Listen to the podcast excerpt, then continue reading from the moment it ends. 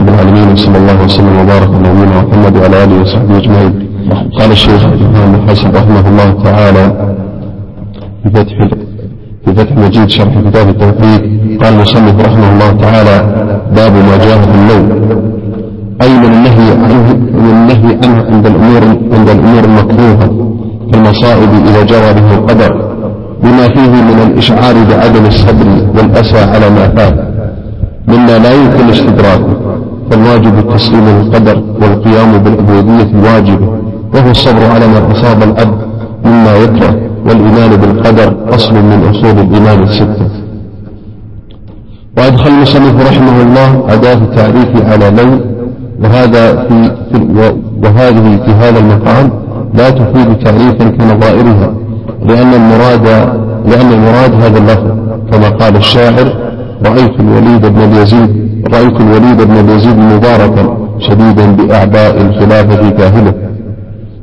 قال المصنف رحمه الله تعالى وقول الله تعالى يقولون هل لنا من الأمر من شيء؟ قل إن الأمر كله لله. يخون في أنفسهم ما لا يريدون له. يقولون لو كان لنا من الأمر شيء ما قتلنا هنا.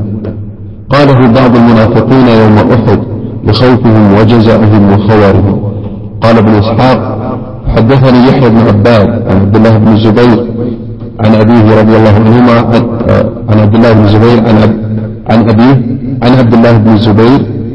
قال قال الزبير رضي الله عنه لقد رأيتني مع رسول الله صلى الله عليه وسلم حين اشتد الخوف علينا أرسل الله علينا النوم فما منا من رجل إلا إلا ذقنه في صدره. قال فوالله إني لأسمع قول معتب بن قشير. ما أسمعه إلا كالحلم لو كان لنا من الأمر شيء ما قتلناها هنا فحفظتها منه. وفي ذلك أنزل الله عز وجل يقولون لو كان لن لو كان لنا من الأمر شيء ما قتلناها هنا. لقول معتب رواه ابن أبي حاتم. قال الله لو قل لو كنتم في بيوتكم لبرز الذين كتب عليهم القتل إلى مضاجعهم. أي هذا قدر مقدر من الله عز وجل وحكم حكم ارفع.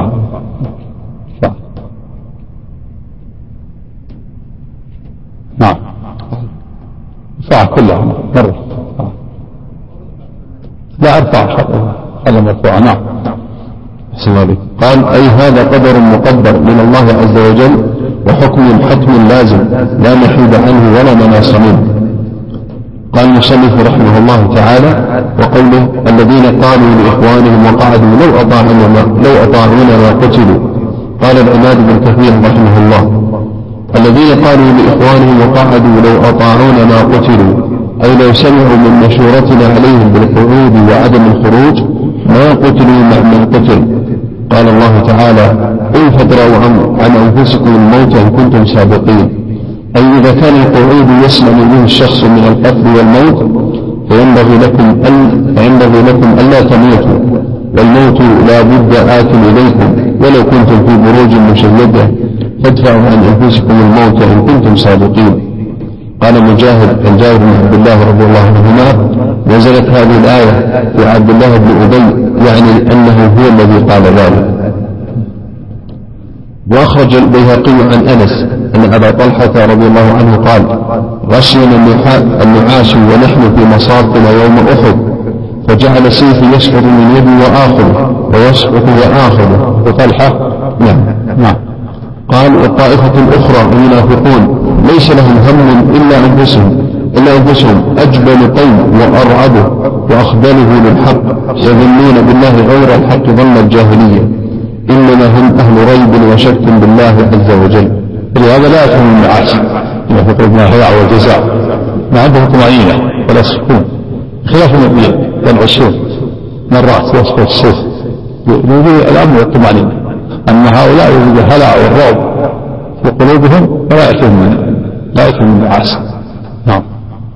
صلى الله عليه المجاهد إذا رأى في هذا. المجاهد إذا غلبه النوم. هذا يدل على الإيمان. نعم الناس في الجهاد يجعل بالله نعم.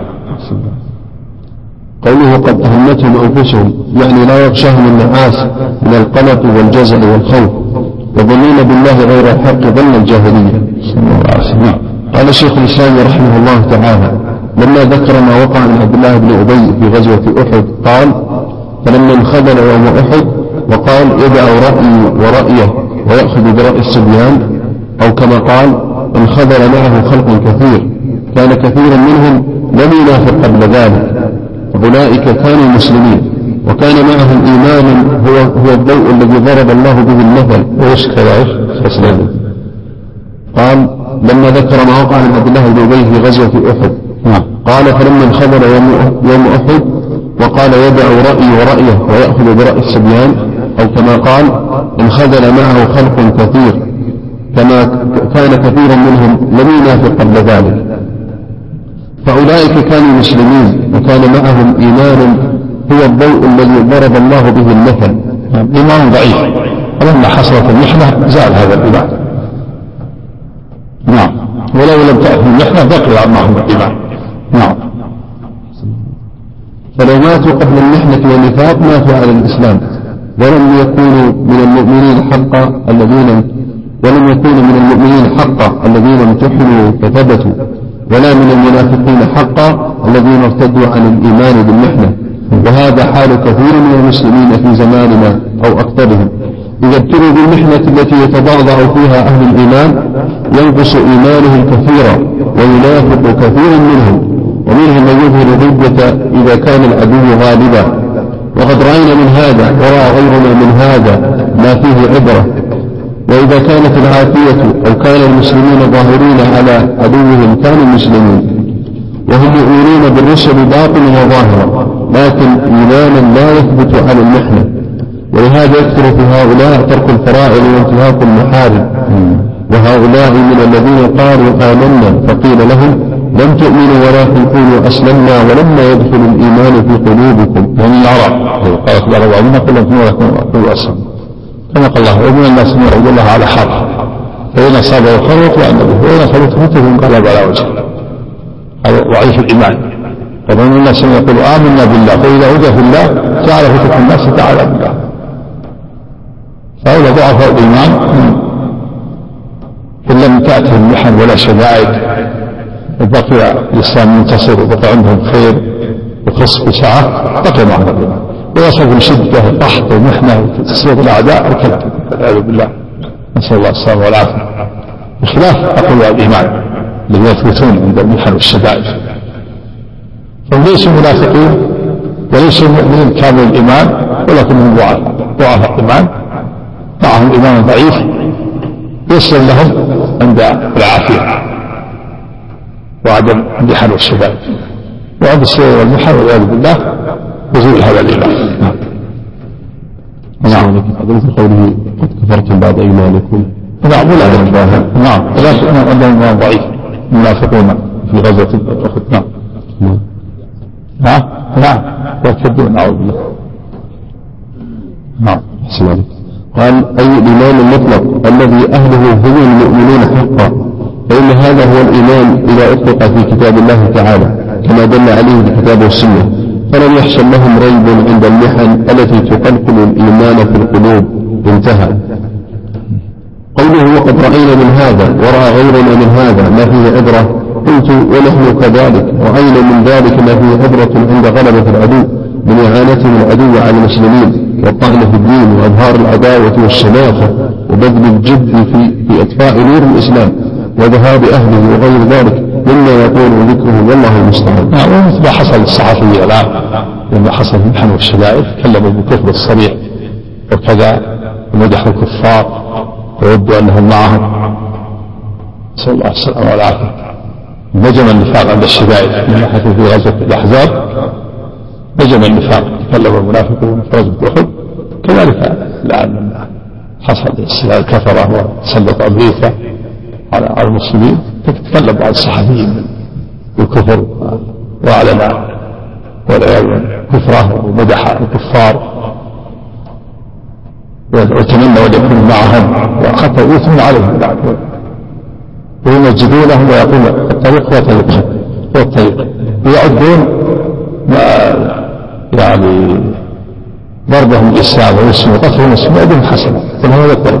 الطريق هذا طريق التحول نسأل الله السلامة والعافية صرحوا بهذا في كتاباتهم نعم. قال المصنف رحمه الله تعالى صحيح عن أبي هريرة رضي الله تعالى عنه أن رسول الله نسب هذا الاسم هذا إلى القرآن الكريم وإلى مدرسة القرآن الكريم وإلى المؤسسات الدينية يجب أن تلغى وأنه هي سبب في الإرهاب. هم يريدون أن يقرأ القرآن. ما ما يريد أن يكون صريحا. جعلوها في مدارس تحفيظ القران وتحويل وحلق الذكر تفرخ الارهاب هم يريدون القرآن ويفرخ الارهاب لأن القرآن يامر بالجهاد لكن لا يستطيع أن يصرحوا بهذا لأنهم منافقون. لانهم صرحوا بهذا صاروا كفار صرحاء. لكن قالوا جعلوا قالوا المدارس تحفظ القران تفرخ الارهاب لأن القرآن هو اللي يفرخ الارهاب أمر بالجهاد والامر بالإيمان بالعمل الصالح بالحشمة والحجاب نعم. فهو يفرخ الإرهاب عندهم. لعدم ايمانهم به نسأل الله السلامة والعافية. نعم.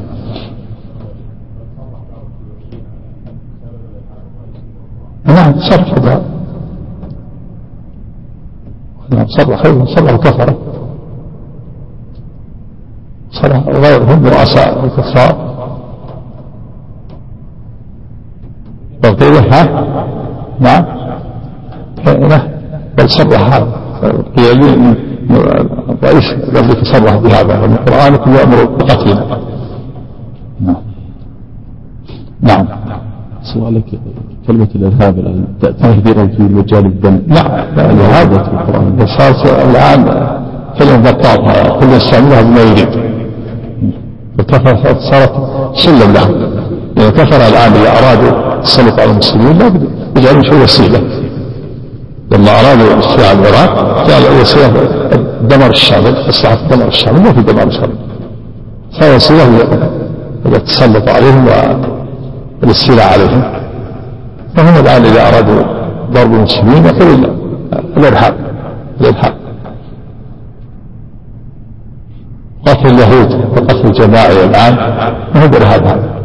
ما يسمى إرهاب قتل اليهود الفلسطينيين ما هو بإرهاب وقتلهم الآن لأهل السنة في العراق ما هو بإرهاب ولكن الإرهاب هذا القرآن والسنة هو الإرهاب نعم صلى الله عليه وسلم والعافية.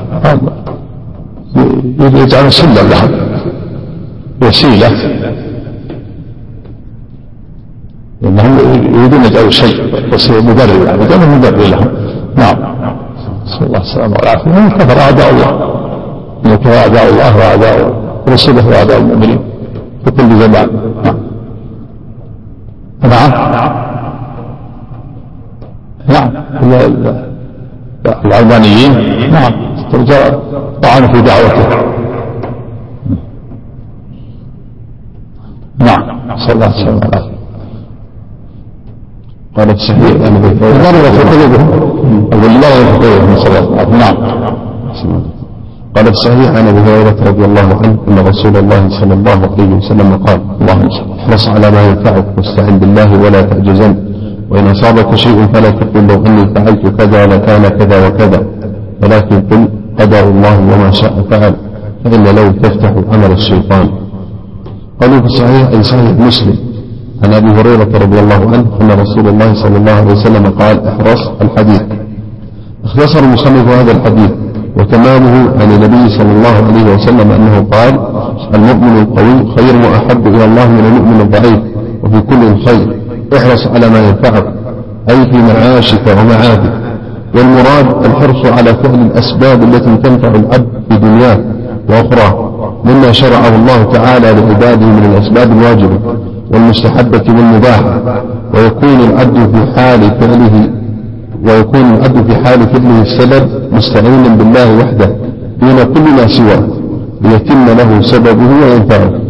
فيكون اعتماده على الله تعالى في ذلك لأنه تعالى هو الذي خلق السبب والمسبب. ولا ينفعه سبب إلا إذا نفعه الله به. فيكون اعتماده في فعل السبب على الله تعالى. ففعل السبب سنة. والتوكل على الله توحيد فإذا جمع بينهما تم له مراده بإذن الله. نعم يفعل السبب لأنه مأمور به شرعا وما فعل الله في سنته لكن لا يفعل السبب. ويعتقد أن السبب مؤثر هذا الشرك. إذا ركن السبب وأعتقد أنه مؤثر هذا شرك وأشرك بالربوبية وكذلك أيضا لا يلغي الأسباب لأن تعالى ربط رسول المسببات لا يلغيها وهو نقص في العقل. بل يفعلها بدون يفعلها على أنها سبب شرعي يأمر بها ويعتمد على الله في النتيجة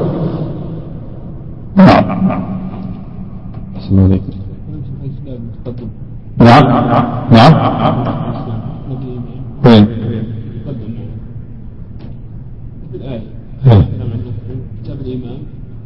وين؟ قال إيش؟ قال شيخ الاسلام إيش؟ رجل أحمد إيه. ما ما في والله. في كتاب ما في غيره نعم في غيره. كتب الشيخ الإسلام كثيرة ها؟ في الأسباب. إيه. ممكن نعم. أحسن عليكم. قال قوله ولا تعجزن. النون نون التأكيد الخفيفة نهاه صلى الله عليه وسلم عن العجز وذم والعجز مذموم شرعا وعقلا عجز العجز العجز والعجز مذموم شرعا وعقلا وفي الحديث الكيس من دان نفسه وعمل بما بعد الموت والعاجز من أتبع نفسه هواها وتمنى على الله الأماني نعم. العاجز من دان نفسه يحاسب نفسه من دان الحاسب نعم.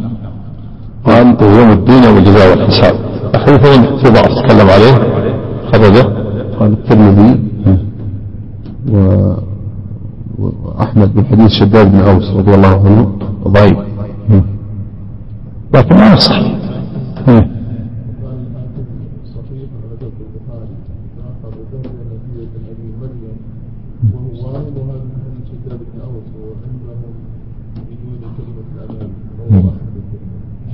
لكن معناه صحيح. معناه صحيح تشهد له النصوص. قد يقال قد يحسن بشواهده نعم.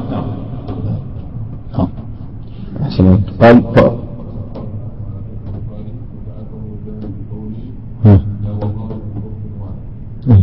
ضعيف سبب ضعيف بمعنى صحيح. نعم. قال فأرشده صلى الله عليه وسلم في هذا الحديث إذا أصابه ما يكره فلا يقول لو أني فعلت كذا لكان كذا وكذا ولكن يقول قدر الله وما شاء فعل. أي هذا قدر الله والواجب التسليم للقدر والرضا به واحتساب الثواب عليه. قوله فإن لو تفتح عمل الشيطان. ها؟ ها؟ قدر الله وما شاء. لكن قل قدر الله مثل فيها ذنب. لا وجه قدر الله وما شاء فعل. قدر هذا قدر الله وما شاء. قدر الله يعني هذا قدر الله وما شاء فعل هذا هو الأولى. وإذا قال قدر ها؟ قدر سوف يعني قدر الله هذا الأمر. قدر الله هذا الأمر هذا الشيء قدر الله. أحتاج إلى ما ذكر وجه ثاني. صباح. لكن الأكثر قدر الله. تكلم عليه عنده.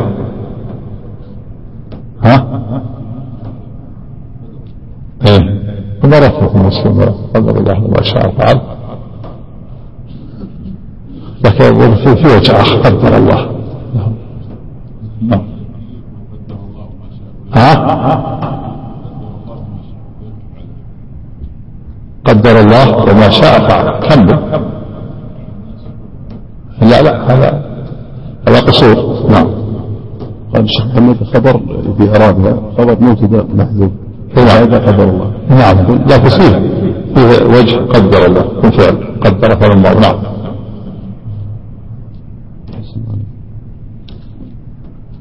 قال قوله فإن لو تفتح عمل الشيطان أي لما فيه من التأسف على ما فات والتحسر ولوم القدر وذلك ينافي الصبر والرضا. والصبر والصبر واجب والإيمان بالقدر فرض. قال تعالى ما أصاب من مصيبة في الأرض ولا في أنفسكم إلا في كتاب من قبل أن نبرأها إن ذلك على الله يسير. لكي لا تأسوا على ما فاتكم ولا تفرحوا بما آتاكم. الله لا يحب كل مختال فخور. قال أمير المؤمنين علي بن أبي طالب رضي الله عنه الصبر من الإيمان بمنزلة الرأس من الجسد. وقال الإمام أحمد رحمه الله ذكر الله ذكر الله الصبر في تسعين موضعا من القرآن. قال شيخ الإسلام رحمه الله وذكر حديث الباب بتمامه ثم قال في معناه لا تعجز عن مأمور ولا تجزع من مقدور ومن الناس من يجمع كلا الشرين. فأمر النبي صلى الله عليه وسلم لا تعجز عن عن مأمور. لا تعجز عن مأمور ولا تجزع من مقدور. نعم. لا تعجز عن مأمور ولا تجزع من مقدور. من الناس يجمع الأمرين يجزع عند القدر ويعجز عند الأمر. ما يفعل الأوامر وهو يستطيعها بسبب العجز ويتسخط قضاء الله وقدره. نعم. قال ومن الناس من يجمع كلا الشرين فأمر النبي صلى الله عليه وسلم بالحرص على النافع والاستعانة بالله والأمر يقتضي الوجوب وإلا فالاستحباب. ونهى عن العجز وقال والأمر. نعم والأمر يقتضي الوجوب. وإلا فالاستحباب. وإلا كذا نعم. ما هو واضح. لا. أقول وجوب كيف وإلا فالاستحباب أو ويكون الاستحباب. أو أو الأمر الوجوب أو الاستحباب. والعبارة فيها. كيف؟ في فرق عندك هكذا النسخ؟ ها؟ الأمر للوجوب وإلا فالاستحباب. يقتضي الوجوب وإلا يعني وإن كان يقتضي عندك نعم يقتضي نعم. الأمر يقتضي الوجوب وإلا فالاستحباب يعني إن لم يكن الوجوب فهو الاستحباب. إن أقل الأحوال هو الاستحباب. الأصل في الأمر الوجوب إلا بصالح وإلا يعني وإن لم وإن لم يكن للوجدان وجوه صالح فهو الاستحباب. نعم. قال ونهى عن العجز وقال إن الله يلوم على العجز والعاجز والعاجز ضد والذين إذا أصابهم البغي هم ينتصرون. فالأمر بالصبر والنهي عن الجزع مأمور به في مواضع كثيرة. وذلك لأن الإنسان بين أمرين. أمر أمر بفعله فعليه أن يفعله ويحرص عليه ويستعين الله ولا يعجز. وأمر أصيب به من غير فعله فعليه أن يصبر عليه ولا يجزع منه. ولهذا قال بعض العقلاء ابن المقطع أو غيره الأمور أمران ليس فهو بين أمرين بين أمرين نعم قال ذلك لأن الإنسان بين أمرين أمر أمر بفعله فعليه أن يفعله ويحرص عليه ويستعين الله ولا يعجز وأمر أصيب به من غير فعله فعليه أن يصبر عليه ولا يجزع منه. هذا القدر نعم. قال ولهذا قال بعض العقلاء ابن المقطع أو غيره. نعم. نعم. اقرأ. قال الأمور أمران. أمر فيه حيلة فلا تعجز عنه وأمر لا حيلة فيه فلا تجزع منه. وهذا في جميع الأمور لكن عند المؤمن الذي فيه حيلة هو ما أمر الله به وأحبه له فإن الله لم يأمره إلا بما فيه حيلة له. إذ لا يكلف الله نفسا إلا وسعها وقد أمره بكل خير له فيه حيلة. وما لا حيلة فيه هو ما أصيب به من غير فعله واسم الحسنات والسيئات يتناول قسمين. فالأفعال مثل قوله تعالى من جاء بالحسنة فله عشر أمثالها ومن جاء بالسيئة فلا يجزى إلا مثلها. ومثل قوله تعالى إن أحسنتم أحسنتم لأنفسكم وإن أسأتم فلها. ومثل قوله وجزاء سيئة سيئة مثلها. ومثل قوله بلى من كسب سيئة وأحاطت به خطيئته. إلى آيات كثيرة من هذا الجنس. والقسم الثاني ما يجري على العبد بغير فعله من النعم والمصائب. كما قال تعالى ما أصابك من حسنة فمن الله وما أصابك من سيئة فمن نفسك. الآية.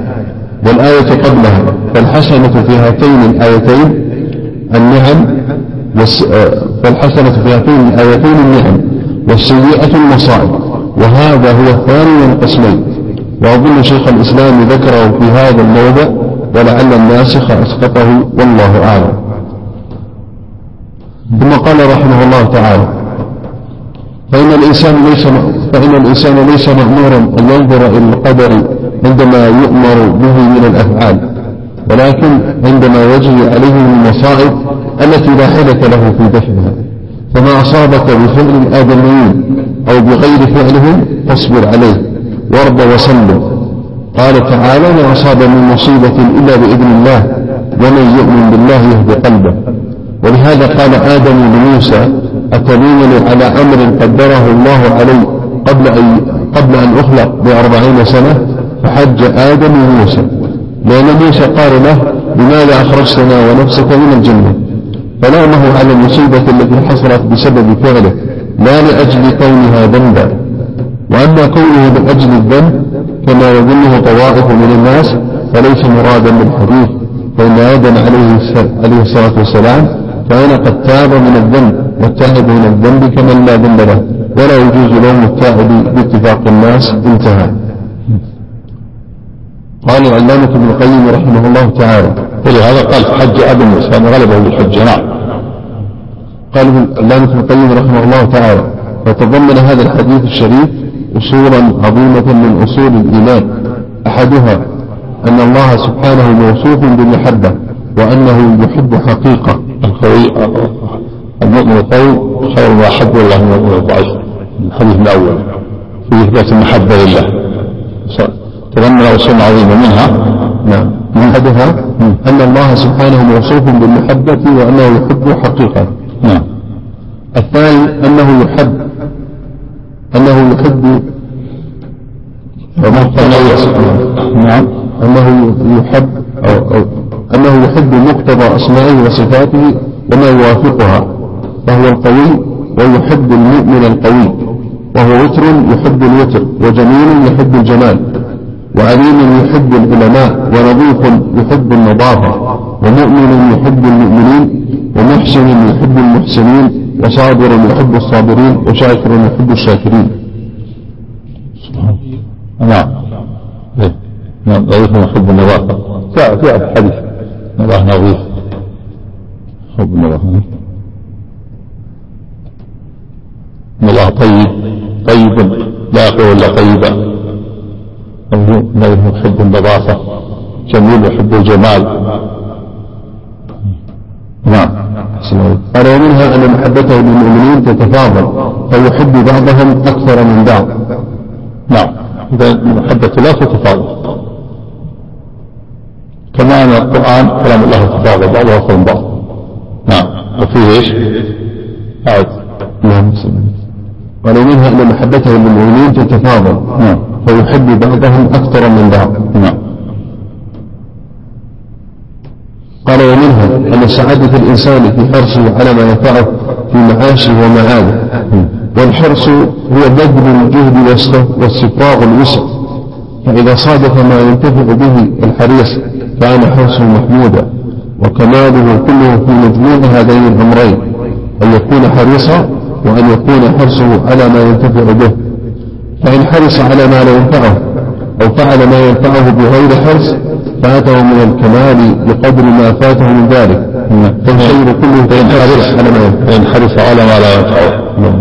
أو قال فإن حرص على ما لا ينفعه أو فعل ما ينفعه بغير حرص. نعم. فاته من الكمال بقدر ما فاته من ذلك. فالخير كله في الحرص على ما ينفع طيب قال ولما كان حرص الإنسان وفعله إنما هو بمعونة الله ومشيئته وتوفيقه أمره أن يستعين بالله ليجتمع له مقام إياك نعبد وإياك نستعين. أمره أن يستعين بالله. نعم.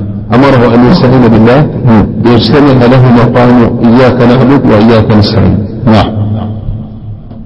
فإن, فإن حرصه على ما ينفعه عبادة لله تعالى ولا يتم إلا بمعونته. نعم وهو الاستعانة الاستعانة استعان بالله فالأسباب نعم. قال فأمره أن يعبده وأن يستعين به. فالحريص على ما ينفعه المستعين بالله ضد العاجز. فهذا إرشاد له قبل وقوع المقدور إلى ما هو أعظم أسباب حصوله وهو الحرص عليه مع الاستعانة مع الاستعانة بمن بمن أزمة الأمور بيده ومصدرها منه. وما يريدها إليه. فإن فاته ما لم يقرر له ومردها إليه. عندي موردها موردها. ها؟ موردها أحسن ومردها إليه؟ فإن فاته ما لم يقدر له فله حالتان. عجل وهو مفتاح عمل الشيطان. فيلقيه فيلقيه العجز إلى لو ولا فائدة في لو ها هنا فاته قال فإن فاته ما لم يقدر له نعم. فله حالتان.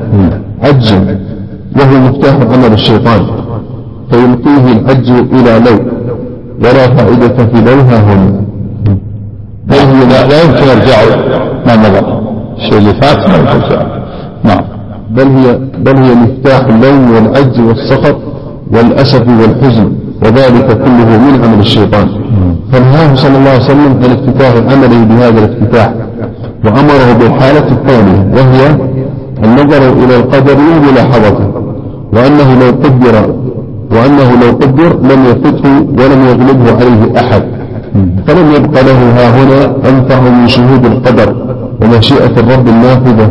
التي توجب وجود المقدور وإن انتبت امتنع وجوده. ولهذا قال فإن غلبك أمر فلا تقل. لو أني فعلت لكان كذا وكذا ولكن قل قدر الله وما شاء فعل. فارشده إلى ما ينفعه في الحالتين حالة حصول مطلوبه وحالة فواته. فلهذا كان هذا الحديث مما لا يستغني عنه العبد أبدا بل هو أشد ضرورة بل هو أشد ضرورة إليه. وهو يتضمن إثبات القدر والكسب والاختيار والقيام بالعبودية ظاهرا وباطنا في حالة حصول المطلوب وعدمه وبالله التوفيق. انتهى. قال المصنف رحمه الله في مسائل الأولى تفسير الآيتين في آل عمران. نعم. الذين قالوا الإخوان. لو كان يقول لو كان يعمل شيء والذين قالوا الإخوان وقعد. نعم. الثانية النهي الصريح بالقول لو إذا أصابك شيء. لا لا تقول له أني فعلت نعم. الثالثة تعليل المسألة بأن ذلك يفتح عمل الشيطان. نعم. الرابعة الإرشاد إلى الكلام الحسن. أحرص على ما يفكر بالله نعم. الخامسة ال- الأمر بالحرص على ما ينفع مع الاستعانة بالله. كان يسلم الكلام حسن ويقول قل قدر الله وما شاء فعل. نعم. الثاني الحرص. نعم. أحسن عليك. الخامسة الأمر بالحرص على ما ينفع مع الاستعانة بالله. نعم. السادسة النهي عن ضد ذلك وهو العجز. ثم قال المصنف رحمه الله تعالى باب النهي عن سب الريح. عن أبي بن كعب رضي الله عنه أن رسول الله صلى الله عليه وسلم قال لا تسبوا الريح.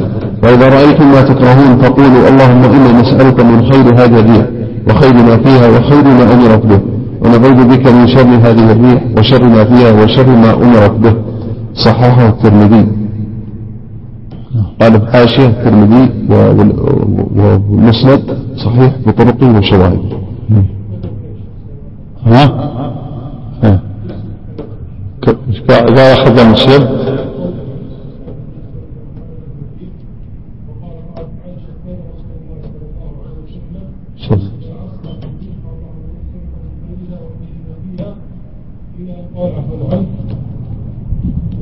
رواه البخاري ومسلم. هذا البخاري ومسلم كان شره وشر نفسه والمصرف به واذا تخيلت السماء غير قول خرج ودخل وادبر ودخل إلى التوسل لذلك عنه. فعرفت فعرف عائشه ذلك فسال وقال لعله يعاني الرواية هذا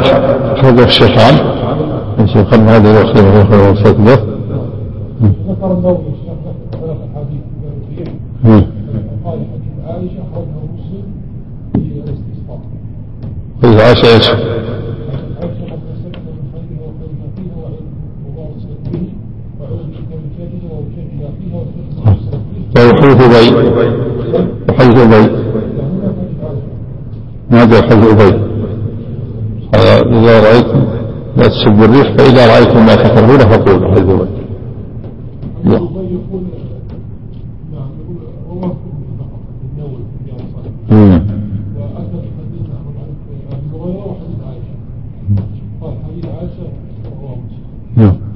نعم.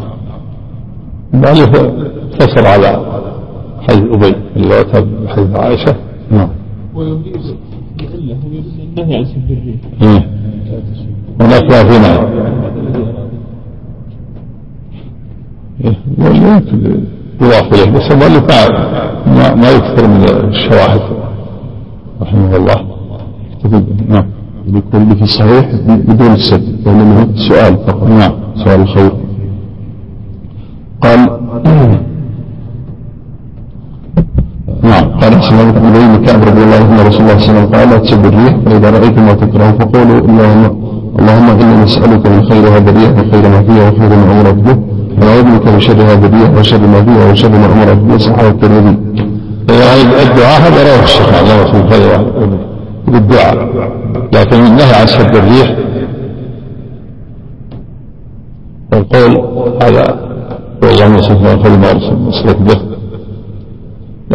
وكذا هذا في حديث عائشه اللهم صل على خير ما ارسلت به. نعم. بس النهي عن سب هذا بيت النهي عن سب الريح. نعم. قال لأنها إنما تحب عن إيجاد الله تعالى وخلقه لها وأمره لأنه هو الذي أوجدها وأمرها فمسبتها مسبة للفاعل وهو الله سبحانه كما تقدم في النهي عن سب الدهر وهذا يشبهه. ولا يفعله إلا أهل الجهل بالله ودينه وبما شرعه لعباده. ونهى صلى الله عليه وسلم أهل الإيمان عما يقول أهل الجهل والجفاء وأرشدهم إلى ما يحب ما يحب أن يقال عند هبوب الرياح. فقال إذا رأيتم ما تكرهون فقولوا اللهم إنا نسألك من خير هذا الريح وخير ما فيها وخير ما أمرت به. يعني إذا رأيتم ما تكرهون من الريح إذا هبت فارجعوا إلى ربكم بالتوحيد وقولوا اللهم إنا نسألك من خير هذا الريح وخير ما فيها وخير ما أمرت به. ونعوذ بك من شر هذا الريح وشر ما فيها وشر ما أمرت به. ففي هذا عبودية لله وطاعة له ولرسوله صلى الله عليه وسلم واستدفاع للشرور به وتعرض بفضله ونعمته. وهذه حال أهل التوحيد والإيمان خلافا لحال أهل الفسوق والعصيان الذين حرموا ذوق طعم التوحيد الذي هو حقيقة الإيمان. قال المصنف رحمه الله في مسائل الأولى النهي عن سب الريح. نعم. الريح نعم. الثانية الإرشاد إلى الكلام النافع إذا رأى الإنسان ما يكره نعم. الدعاء اللهم انصرف من خير الريح ما ارسلت به أعوذ من شر هذه الريح وشر ما فيها وشر به نعم. الثالثة الإرشاد إلى أنها مأمورة. نعم. مأمورة. لأن خلق مسخر نعم. تجري بأمر الله. نعم. الرابعة أنها قد تؤمر بخير وقد تؤمر بشر. نعم. خيرها أعوذ بك من شر. إذا تؤمر بالخير وتؤمر بالشر نعم. نعم. شم نعم.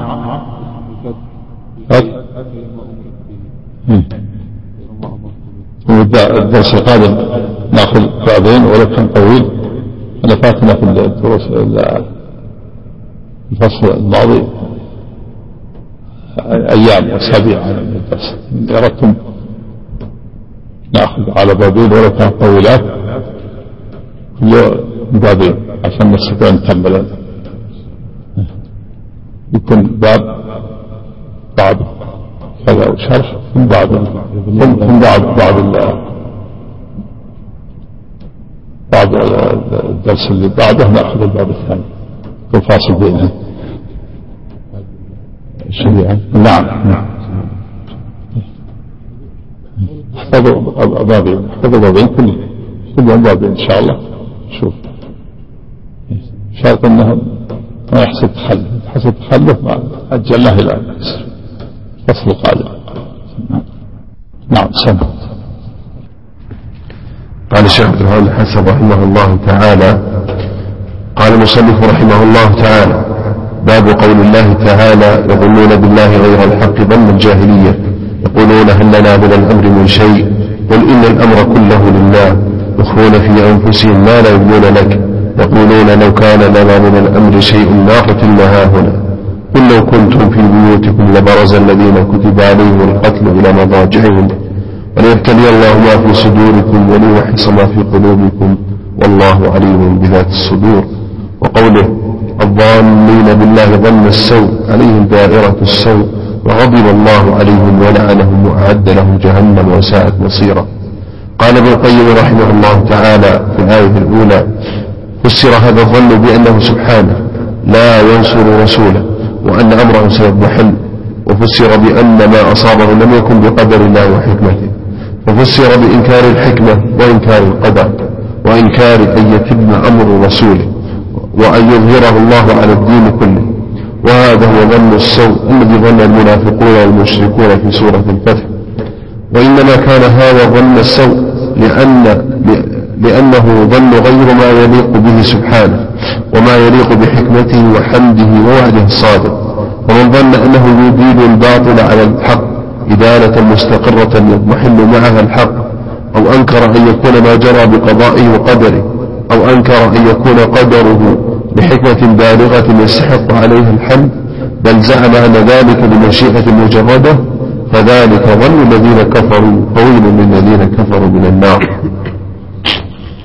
وأكثر الناس يظنون بالله ظن السوء فيما يختص بهم وفيما يفعله بغيرهم. ولا يسلم من ذلك إلا من عرف الله وأسماءه وصفاته وموجب حكمته وحمده. فليعتني اللبيب الناصح لنفسه بهذا وليتب إلى الله وليستغفره من ظنه بربه ظن السوء. ولو فتشت من فتشت لرأيت عنده تعنتا عن القدر وملامة عليه وأنه كان ينبغي أن يكون كذا وكذا فمستقل ومستكثر. وفتش نفسك هل أنت سالم؟ فإن تنجو منها تنجو من بعظيمة وإلا فإني لا إخالك راجيا قوله باب قول الله تعالى ومنون بالله غير الحق ظن الجاهلية يقولون هل لنا من الأمر من شيء؟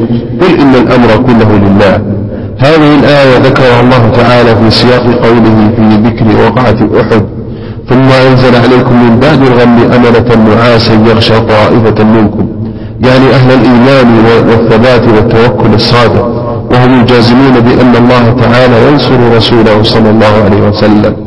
وينجز, وينجز له مأمونا ولهذا قال وطائفة قد أهمتهم أنفسهم.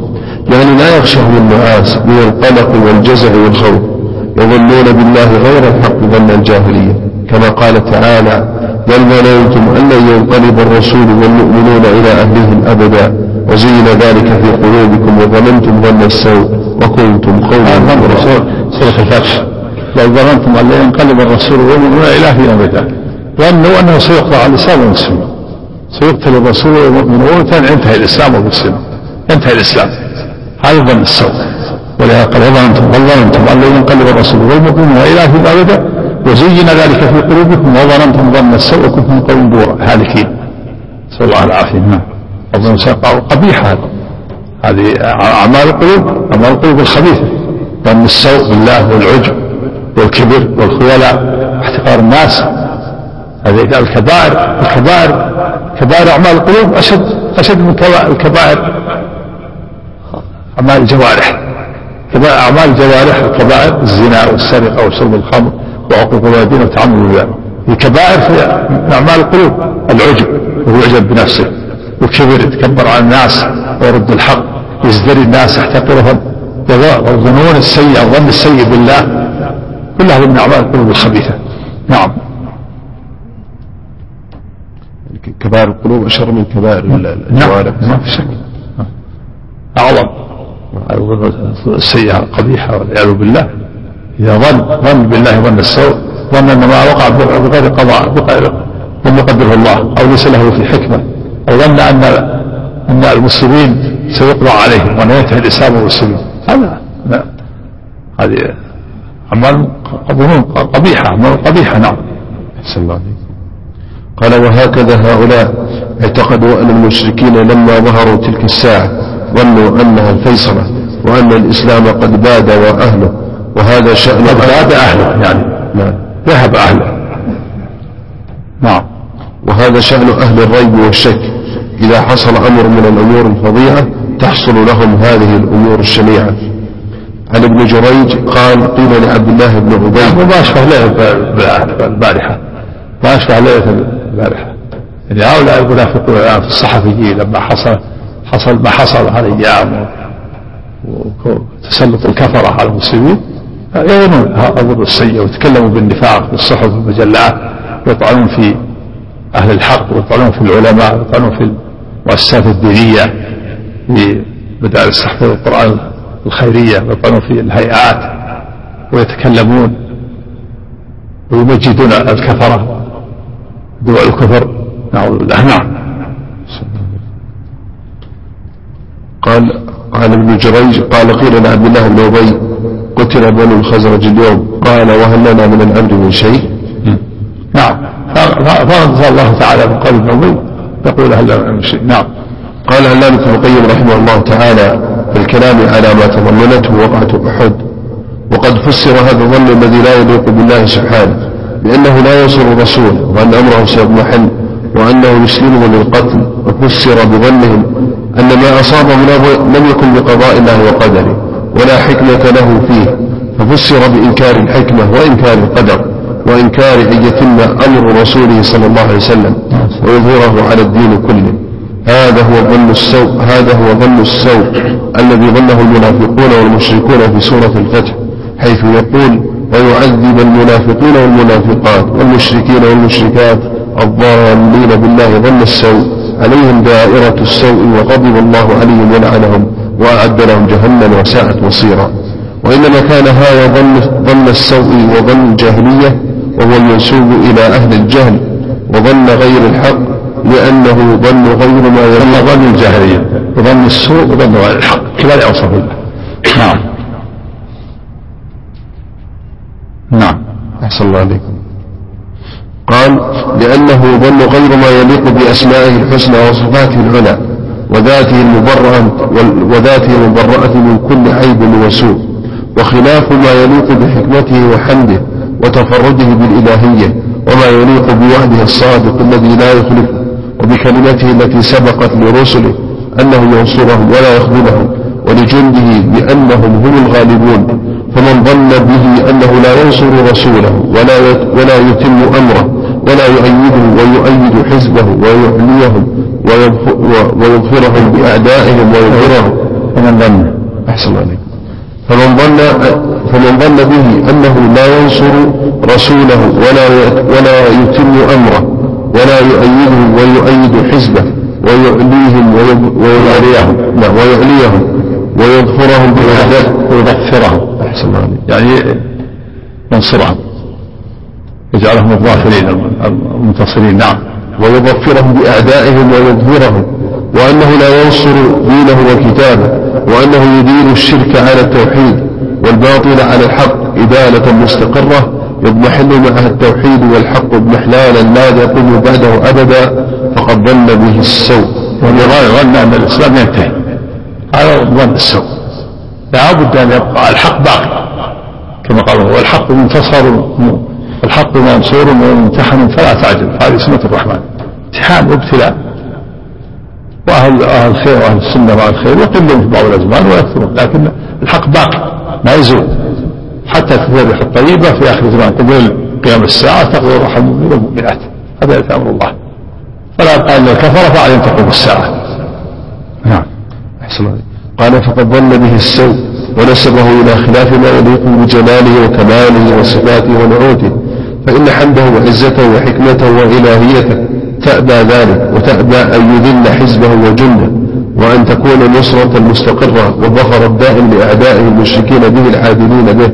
فمن ظن به ذلك فما فما عرف ولا عرف أسماءه ولا عرف صفاته وكماله وكذلك من أنكر أن يكون ذلك بقضائه وقدره فما عرف ولا عرف ربوبيته وملكه وعظمته. وكذلك من أنكر أن يكون قدر ما قدره من ذلك وغيره حكمة بالغة وغاية محمودة يستحق الحمد عليها وأن ذلك إنما صدر عن مشيئة مجردة عن حكمة وغاية مطلوبة هي أحب إليه من فواتها. هكذا قال الشاعر وغيرهم. يقولون ما في حكمة الرب يفعل بمجرد المشيئة. ما في حكم. ولا أسباب ولا غرائز ولا طبائع. يفعل المشيئة التي تخبط خط عشوة. تجمع بين المتفرقات وتفرق بين المتباثلات هكذا يقولون تعالى ما يقول علوا كبيرا هذا ظن بالله ظن السوء. إنه يفعل بمجرد المشيئة من دون حكمة فقد ظن بالله ظن السوء. هذا يقوله الجبريه من الشاعرة والجهمية وغيرهم. نعم.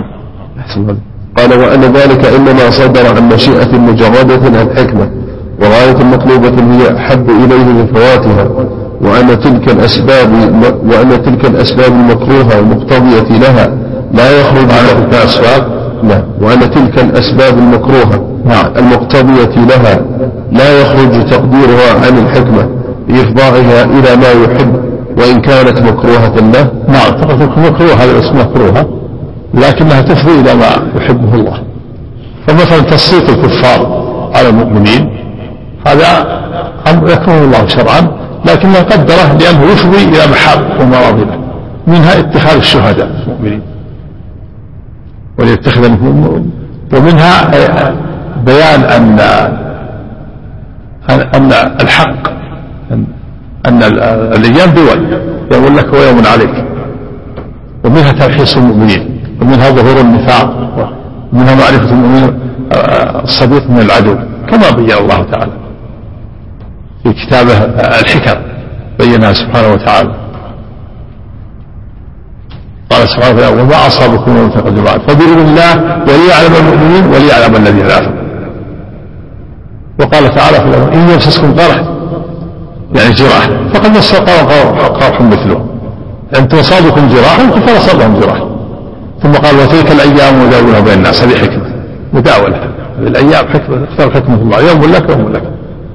ولهذا قال أبو سفيان يوم بيوم يوم يوم يوم أحد بيوم بدر. وتلك الأيام وليعلم الله الذين آمنوا. ليعلم علم الظهور حتى يتبين ويظهر الصادق في إيمانه. من مدعي الإمام المنافق وليعلم الله الذين ويتخذ منكم شهداء يتخذوا وليمحص الله الذين آمنوا ويمحق الكافرين هذه حكم وأسرار فالله تعالى قدر وقوع الهزيمة على المؤمنين وإن كان مكروها له بما يفضي إليه من الحكم والأسرار. نعم. المحبوبة لله عز وجل. نعم. قال وأن تلك الأسباب وأن تلك الأسباب المكروهة المقتضية لها لا يخرج تقديرها عن الحكمة الإفضاء إلى ما يحب وإن كانت مكروهة له.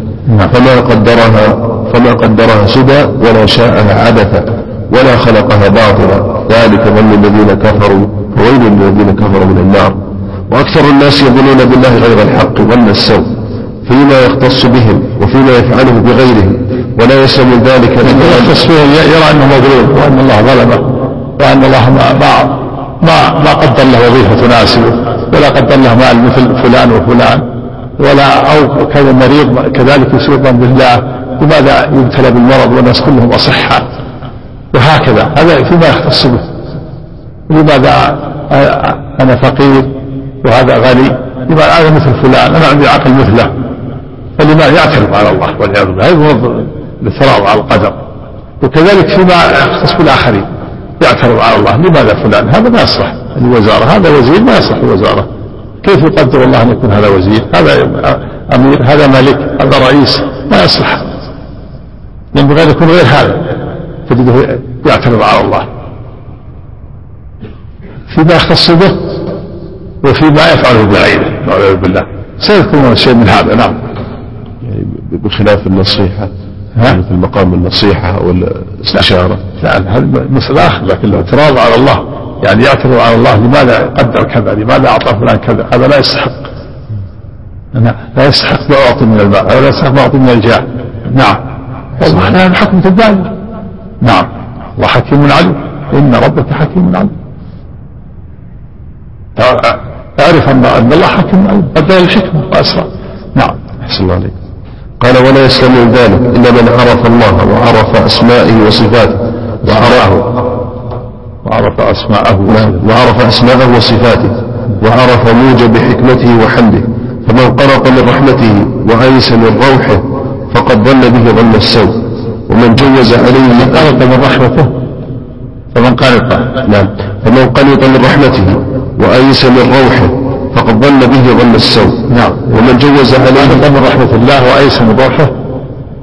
وظن أن الله لا يغفر له وأنه هالك هذا من ظن السوء. وهذا من أدلة من قال إن القنوط من رحمة الله واليأس من رحمة الله يخرج من الإيمان كما قال الطحاوي. قال إن من قنط فقد خرج خرج من خرج من الإسلام. فهذا من ظن السوء. يخلط من رحمة الله ويأس ويرى أنه هالك وأن الله لا يغفر له وأنه سيعذب وأنه هالك وسيخلد في النار. هذا قروط هذا من ظن السوء. نعم. أحسن الله عليك. الإنسان يحسن الظن بالله ويتوب إلى الله عز وجل ويعلم أن الله تعالى يقبل التائبين. نعم. قال ومن جوز عليه أن يعذب أولياءه مع إحسانهم وإخلاصهم ويسوي بينهم وبين أعدائه فقد ظن به ظن السوء. هذا قاله الجبرية من الأشاعرة. وغيرهم اللي أنكروا الحكمة أنكروا حكمة الله قالوا إن إن الله له أن يعذب الأنبياء الصالحين ويحملهم أوزار الفجار والكافرين وله نقل التشريعات والجزاءات لأنه ما, ما, له حكمة يفعل بالمشيئة فقط. فيجوز على الله يقولون أن يبطل أعمال الأنبياء والصالحين ويحمله أوزار الفجار والفاسقين ولا يكون ظالما له تصرف في ملكه الظلم تصرف مالك في غير ملكه هو يتصرف في ملكه ويستدلون في حديث لو أن الله عذب على السماوات والأرض عذبهم وهو غير ظالم لهم. ولو كان ولو رحمه لكان رحمته خير لهم. وما عرفوا معنى الحديث معنى الحديث لو أن الله حاسب عباده بأعمالهم ونعمته عليهم لكانوا مدينين. وحينئذ لو عذبهم لعذبهم وغير ظالم لهم لكنه لا يفعل ذلك وإنما ابتدوا بنعم جديدة. فهؤلاء الجبرية يقولون هكذا. الجبرية وهم الأشاعرة يقولون يجوز على الله عقلا يبطل حسنات الأنبياء والأبرار ويحملهم أوزار الفجار ولا يكون ظالما لأنه يتصرف في ملكه. والظلم تصرف المالك في غير ملكه. هذا هذا تفسير والتفسير هو خاطئ. والصواب أن الظلم وضع الشيء في غير موضعه كان يحمل أحد أوزار غيره أو ينقص شيئا من من حسناته. هذا هو الذي نزه الله نفسه منه وحرمه على نفسه. لكن هذا من جهلهم هكذا فسر الظلم الظلم تصرف ذلك غير ملكه وإذا أبطل أعمال الأنبياء والصالحين وحمله وزارة الفجار ثم عذبهم لا يكون ظالما لأنه تصرف في ملكه هكذا قال الأشاعرة الجبرية يدلك على أن الأشاعرة خلافهم خلاف جذري مع السنة. هم في الصفات نعم. على الأشاعرة خلافهم خلاف جذري مع السنة. هم خاص الصفات نعم. نعم. قال ومن ظن أنه, أنه يترك خلقه سدى معطلين عن الأمر والنهي ولا يرسل إليهم رسلا ولا ينزل إليهم كتبا بل يتركهم هملا كالأنعام فقد ظن به ظن السوء. أيحسب الإنسان أن سدى؟ أفحسب أنما خلقناكم عبثا؟ نعم. ومن ظن أنه لن كل هذه كل هذه ظنون سيئة. المؤلف يسردك من الظنون السيئة. كل هذه من الظنون السيئة. نعم. لو أرقمت تجد أرقام كثيرة الآن ظنون. ولهذا استنبط المؤلف رحمه الله من المسائل قال أن الظنون السيئة أنواع لا تنحصر أنواع لا تحصر كثيرة. هذه منها. نعم ومنها. أحسن عليك. قال ومن ظن أنه لن يجمعهم بعد موتهم للثواب والعقاب. هذا من الظن السيء هذا من الظن السيء نعم. في دار يجازي المحسن فيها بإحسانه والمسيء بإساءته ويبين لخلقه حقيقة ما اختلفوا فيه ويظهر للعالمين كلهم صدقه وصدق رسله وأن أعداءه كانوا هم الكاذبين فقد ظن به ظن السوء. نعم هذه الظن السيء نعم. ومن ظن أنه يضيع عليه عمله الصالح الذي عمله خالصا يضيع يضيع عليه نعم. نعم. ومن ظن أنه يضيع عليه عمله ولا يجازى عليه فقد ظن ظن السيء نعم.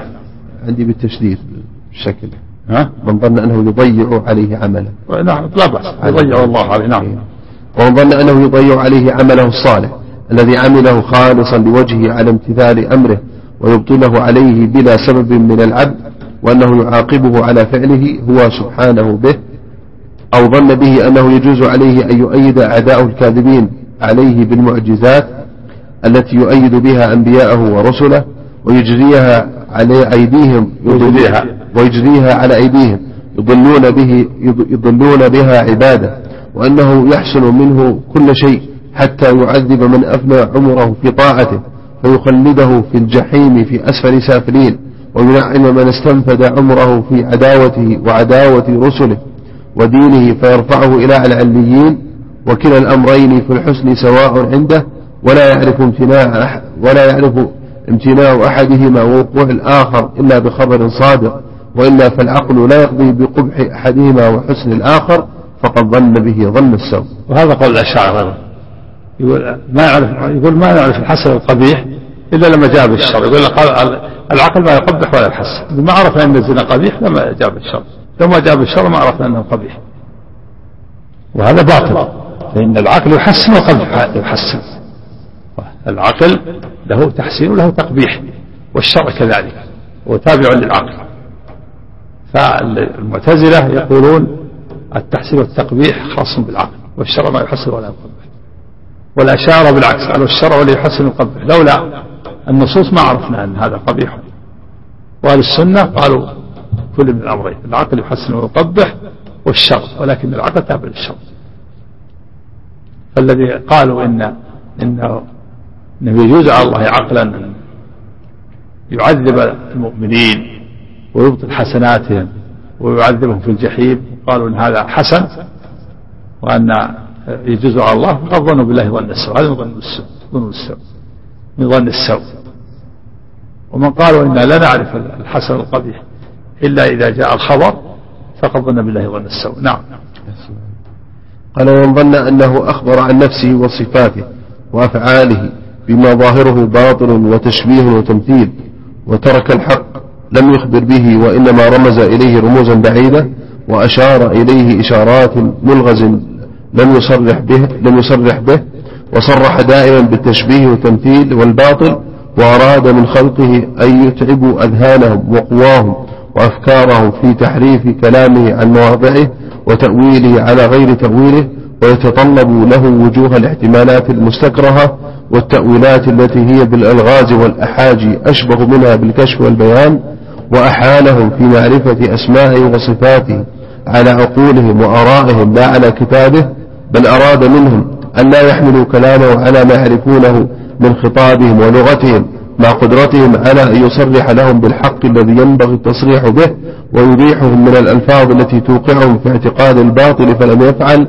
بل سلك بهم خلاف طريق الهدى والبيان فقد ظن به ظن السوء. نعم وهذا يقول أهل البدع من الجهمية والمعتزلة والأشاعرة.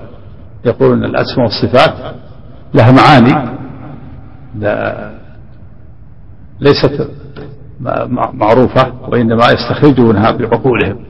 يقول معنى الاستواء الاستيلاء ومعنى الغضب الانتقام ومعنى الرضا الثواب. ويقول إن إن الله إن الله تعالى حال العباد لعقولهم. العقول هي التي هي التي تعرف معاني النصوص ومعاني الأسماء والصفات. هذا ممن ظن بالله ظن السوء. نعم. قال فإنه إن قال إنه غير قادر على التعبير عن الحق باللفظ الصريح الذي عبر به هو وسلفه فقد ظن بقدرته العجز. وإن قال إنه قادر ولم يبين وعدل عن البيان وعن التصريح بالحق إلى ما يوهم بل يوقع في الباطل المحال والاعتقاد الفاصل والاعتقاد الفاسد فقد ظن بحكمته ورحمته ظن السوء. إلى الأول فمن ظن إيش؟ أحسن عليك. فقد فإنه إن قال نعم. إنه غير قادر على التعبير عن الحق باللفظ الصريح. نعم. الذي عبر به هو وسلفه.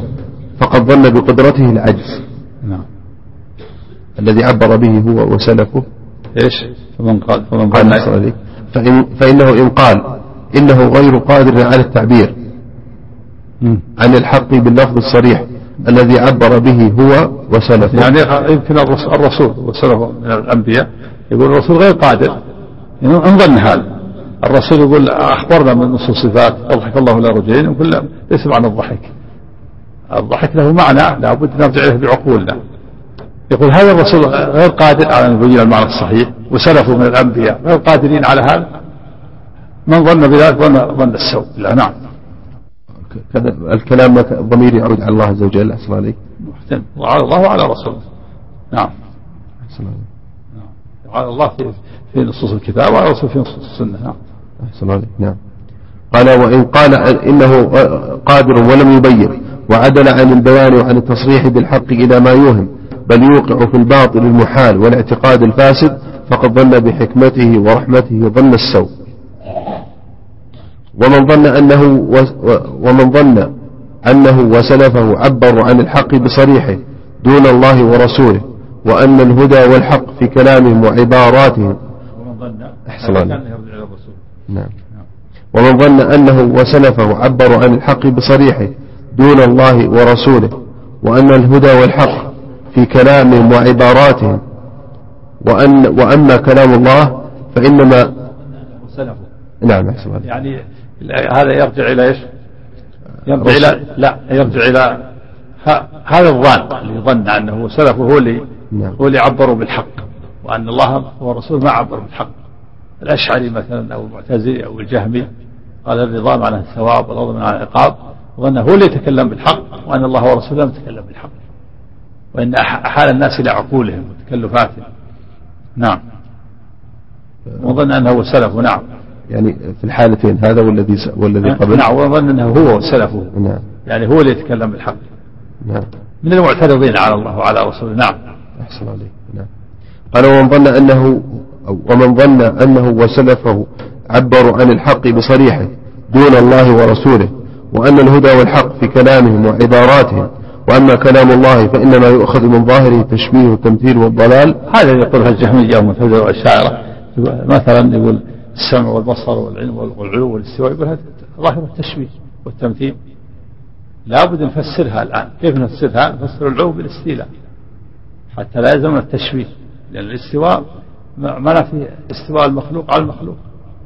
هذا ظاهر التشبيه. إذا الحق هو ما يقوله هو وسلفه. سلفه من المعتزلة والجهمية وغيرهم. نعم. أحسن عليك. قال وأما كلام الله فإنه يؤخذ من ظاهر. من ظاهره التشبيه والتمثيل والضلال. نعم المبتدع يقولون ظواهر النصوص الكفر. يقول من أخذ بظاهر النصوص فقد كفر. إذا قال أنس هو السميع البصير وهو العليم الحكيم. قال ومن أخذ بظاهر النصوص ظاهر النصوص الكفر. يقول ظاهر الكتاب والسنة هو الكفر. يجب تأويلها حتى لا يقع الإنسان في الكفر. لأنه يقول إذا أثبت السمع والبصر والعلم والقدرة شبه بالمخلوق فيكون كافر. إذا لازم نأولها نأولها نأول السمع والبصر بأنها بأنها صفات لمخلوقاته. ونسبة إلى على سبيل المجاز. كما يقوله الجهمية وغيرهم أو نفسر مثلا ال- ال- السوى بالاستيلاء وهكذا. هذا والعياذ بالله قصص من الحاجة أن يقولوا ظواهر النصوص الكفر. ومن أخذ بظاهر النصوص فقد وقع في الكفر. إذا لازم نعوذ بالله نعم. أحسن عليك وظاهر كلام المتهوكين الحيارى هو الهدى والحق. يعني هؤلاء هم المتهوكين والحيارى هو ظاهر كلامه هو الحق. اللي فسروه. نعم. أحسن عليك آه، وظاهر كلام المتهوكين الحيارى هو الهدى والحق فهذا من سوء الظن بالله. نعم. فكل هؤلاء من الظانين بالله ظن السوء ومن الظانين بالله غير الحق ظن الجاهلية. نعم ومن ظن به أنه يكون في ملكه ما لا يشاء ولا يقدر على إيجاده وتكوينه فقد ظن به ظن السوء. ومن ظن أنه وهم المعتزلة والقدرية يقولون يقع في ملك الله ما لا يشاء. أفعال العباد تقع بدون أن يريدها الله. الله تعالى لا يقدر على خلق أفعال العباد. فيقع في ملكه ما لا يريد ولا يشاء. لأنه لو لو قدر أفعال العباد وعذب عليها صار ظالما فقالوا إن الطاعات والمعاصي تقع في ملك الله والله ما شاءها وإنما العبد خلقها وشاءها. هذا من ظن من قال ذلك فقد ظن بالله ظن السوء. هم المعتزلة والقدرية المتأخرون. غير القدرية الأولى الكفار. ينكروا العلم. نعم. عليك. قال ومن ظن أنه كان معطلا من الأزل إلى الأبد عن عن أن يفعل ولا يوصف حينئذ بالقدرة على الفعل ثم صار قادرا عليه بعد أن لم يكن قادرا فقد ظن به ظن السوء. وهذا يقول أهل الكلام. يقول أن الرب كان معطل في الأول في فترة. لما خلق الخلق في فترة ما يفعل. ثم بل أن الفعل والكلام لا غير غير قادر عليه الرب. ثم ثم خلق. ثم صار الفعل ممكنا له. لماذا؟ يقول لابد يكون هناك فترة. لو يكون هناك فترة. معناها صار في تسلسل الحوادث ولا عرفنا أن الله هو الأول. يقول لابد يكون هناك فترة. أن الله هو الأول ثم هناك فترة كان الرب معطل فيها على الكلام والخلق ثم انقلب فجأة فصار الله قادرا على الفعل. ثم فترة. هذا يقول هذا الكلام كثير من الكلام يقول هذا. ما نثبت هذه الفترة. مش الدليل على هذه الفترة. الله خلق إن ربك هو الخلاق العليم. كماله سبحانه وتعالى. الكمال كيف تعطونه من صفات الكمال؟ صفات الكمال. وهذه المخلوقات متسلسلة. بمعنى أن أنه مستمرة. والرب لم يزل يخلق. فكما أنها متسلسلة في المستقبل فهي متسلسلة في الماضي. ولا يلزم من ذلك أن تكون قديمة. يعني كل مخلوق موصوف بأنه بأنه مخلوق بعد أن يكون كل مخلوق موصوف بأنه ويكفينا هذا ولا يلزم أن فترة نعطي فيها الرب على الكلام والخلق والفعل. ولهذا كما قرر ذلك أهل السنة شيخ الإسلام قالوا بتسلسل الحوادث. والمعنى أن الرب لم يزل يخلق. خلقا بعد خلق لكن كل مخلوق مسبوق بالعدم. موجود بعد أن كان معدوما يكفينا ولا نقول هناك فترة الرب معطلة هي على الخلق والفعل. معطل صفات الكمال. نعم. أهل الكلام يقول لا في فترة معطل فيها. كان الرب ما يستطيع الأول يتكلم ولا يفعل ثم انقلب فجأة فصار الفعل والكلام ممكن. نعوذ بالله. نعم. من قال بذلك فقد إيش؟ ظن بالله ظن السوء. نعم. ولا يعلم الموجودات. ولا عدد السماوات ولا النجوم ولا بني آدم وحركاتهم وأفعالهم ولا يعلم شيئا من الموجودات في الأعيان فقد ظن به ظن السوء. وهذا يقوله الفارسي ابن سينا وغيره يقول إن الله يعلم الكليات ولا يعلم الجزئيات. يقول يعلم لكن ما يعلم عدد النجوم ولا عدد كذا ولا عدد المرأة يعلم جملة بس. كيف يعلم؟ يتصور المعلومات فقط تصور. أما عدد النجوم يعلم عدد النجوم عدد الكواكب ما هذه جزئيات ما يعلمها. ويش كيف يعلم؟ يقول يعلم الكليات. ما هي الكليات؟ يعلم النجوم يعلم الآدميات إجمالا أما عددها وأفرادها هذه جزئيات. قال لو لو علمها للحقها الكلل والتعب من تصور تلك المعلومات ولكان كاملا بها لا بنفسه. هذا قول فلاسفة ابن سينا وغيره. نعم. هذا من القول السيء. نعم. أحسن قال ومن ظن أنه لا سمع له ولا بصر. ولا علم ولا إرادة ولا كلام يقوم ولا كلام يقوم به وأنه لا يكلم أحدا من الخلق ولا يتكلم أبدا ولا قال ولا يقول ولا له أمر ولا نهي يقوم به فقد ظن به ظن السوء. نعم هذا يقول هذا الكلام. الجهمية والمعتزلة والأشاعرة. أنكروا الأسماء؟ أنكروا الأسماء والصفات. نعم. أحسن الله عليك كل هؤلاء من الظنون بالله ظن السوء. فلذلك تجد أن الظنون السيئة أنواع لا تنحصر كما استنبط المؤلف رحمه نعم. ومن ظن أن ومن ظن به أنه ليس فوق سماواته على عرشه بائن من خلقه وأن نسبة ذاته إلى عرشه كنسبته كنسبتها إلى أسفل سافلين وإلى الأمكنة التي يرغب يرغب عن ذكرها وأنه أسفل كما أنه أعلى وأن من قال سبحان ربي الأسفل كمن قال كان كمن قال سبحان ربي الأعلى فقد ظن به أقبح الظن وأسوأه. نعم هذا يقول الذي ينكرها العلو. يقول العلو يقول الله ليس في كل مكان. ليس ليس فوق السماوات. ويقولون إن إن محمد لما عرج به إلى السماء هو و وذنون في بطن الحوت سواء قربهم سواء من الله. هكذا يقول. ذنون في بطن الحوت في قعر البحار ومحمد فوق السماوات السبع قربهم من الله سواء.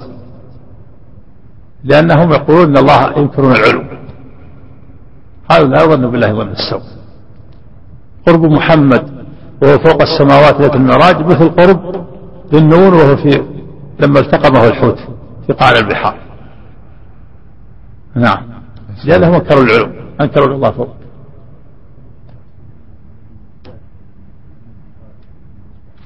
نعم كذلك هذا اللي يعتقد أن الله لم يكن ثم كان قادرا هذا ممن ظن بالله ظن السوء الصواب إنه نعم من كان الاسماء والصفات يكفر لكن لابد من قامة الحجة عليه نعم. ومن ظن أنه يحب الكفر والفسوق والعصيان ويحب الفساد كما يحب الإيمان والبر والطاعة والإصلاح فقد ظن به ظن السوء. نعم. وهذا يقوله من من من الصوفية الذين ينكرون يقولون إن التشريع خاص لطائفة دون طائفة. نعم. قال ومن ظن ومن ظن به أنه لا يحب ولا يرضى أو نعم. لا وأنه لا يحب ولا يرضى ولا يغضب ولا يسخط ولا يوالي ولا يعادي. ولا يقرب من أحد من ولا يقرب من أحد من خلقه ولا يقرب منه أحد. وأن ذوات الشياطين في القرب من ذاته كذوات الملائكة المقربين وأولياء المفلحين فقد ظن به ظن السوء. نعم. نفاة العلو والصفات. نعم. ومن ظن به أنه يسوي بين المتضادين أو يفرق بين المتساويين من كل وجه أو يحبط طاعات العمر المديد الخالصة الصواب بكبيرة واحدة أو يحبط. أحسن. أو يحبط طاعات العمر المديد. الخالصة الخالصة الصواب. بكبيرة واحدة تكون بعدها فيخلد فاعل تلك الطاعات في الجحيم أبد الآبدين بتلك الكبيرة ويحبط بها جميع طاعاته ويخلده في العذاب كما يخلد من لم يؤمن به كما يخلد من لم يؤمن به طرفة عين. واستنفد ساعات عمره في مساخطه ومعاداة رسله ودينه فقد ظن به ظن السوء. نعم هذا كما يقول الخوارج المعتزلة في تخليد صاحب الكبيرة في النار. نعم.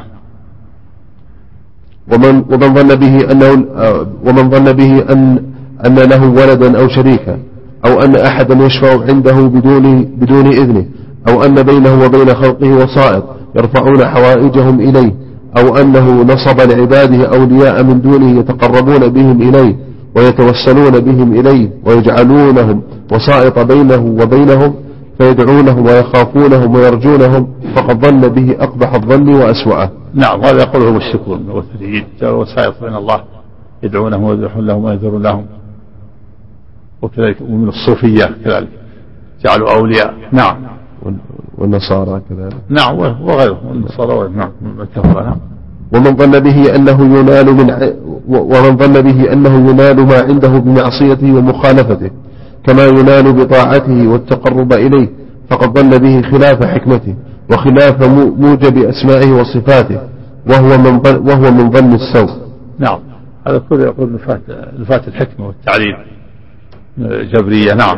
جبرية من الأشعار وجهمية نعم. ومن ظن به أنه إذا ترك شيء إذا ترك ومن ظن به أنه إذا ترك شيء ومن ظن به أنه إذا ترك شيئا لأجله لم يعوضه خيرا منه أو من فعل شيئا لأجله لم يعطه أفضل منه فقد ظن به ظن السوء. من ترك شيء الله ضرب خير منه. نعم. ومن ظن أن ومن ظن به أنه يغضب على عبده ويعاقبه ويحرمه ويحرمه ويحرمه بغير جرم ولا سبب من العبد إلا بمجرد المشيئة ومحض الإرادة فقد ظن به ظن السوء. نعم هذا نفاة الحكمة والتعليل. الجبرية من الأشعار والجهمية نعم. ومن ظن به أنه إذا صدق ومن ظن به أنه إذا صدقه في الرغبة والرهبة وتضرع إليه سأله واستعان به وتوكل عليه أنه يخيبه ولا وأنه يخيبه ولا يعطيه ما سأله يخيبه. نعم. أنه وتوكل عليه أنه يخيب يخيبه. أنه يخيبه ولا يعطيه ما سأله نعم. فقد ظن به ظن السوء. نعم وقد حاول قوله تعالى وإذا سألك عبادي عني فإني قريب. وادعوا ربكم تضرعا وخفيا قال ربكم ادعوني يستجب لكم. نعم. من قال إنه يخيبه فقد ظن بالله ظن السوء. نعم. قال فقد ظن به ظن السوء وظن به خلاف ما هو أهله. نعم. ومن ظن به أنه يثيبه إذا عصاه كما يثيبه إذا أطاعه وسأله ذلك في دعائه.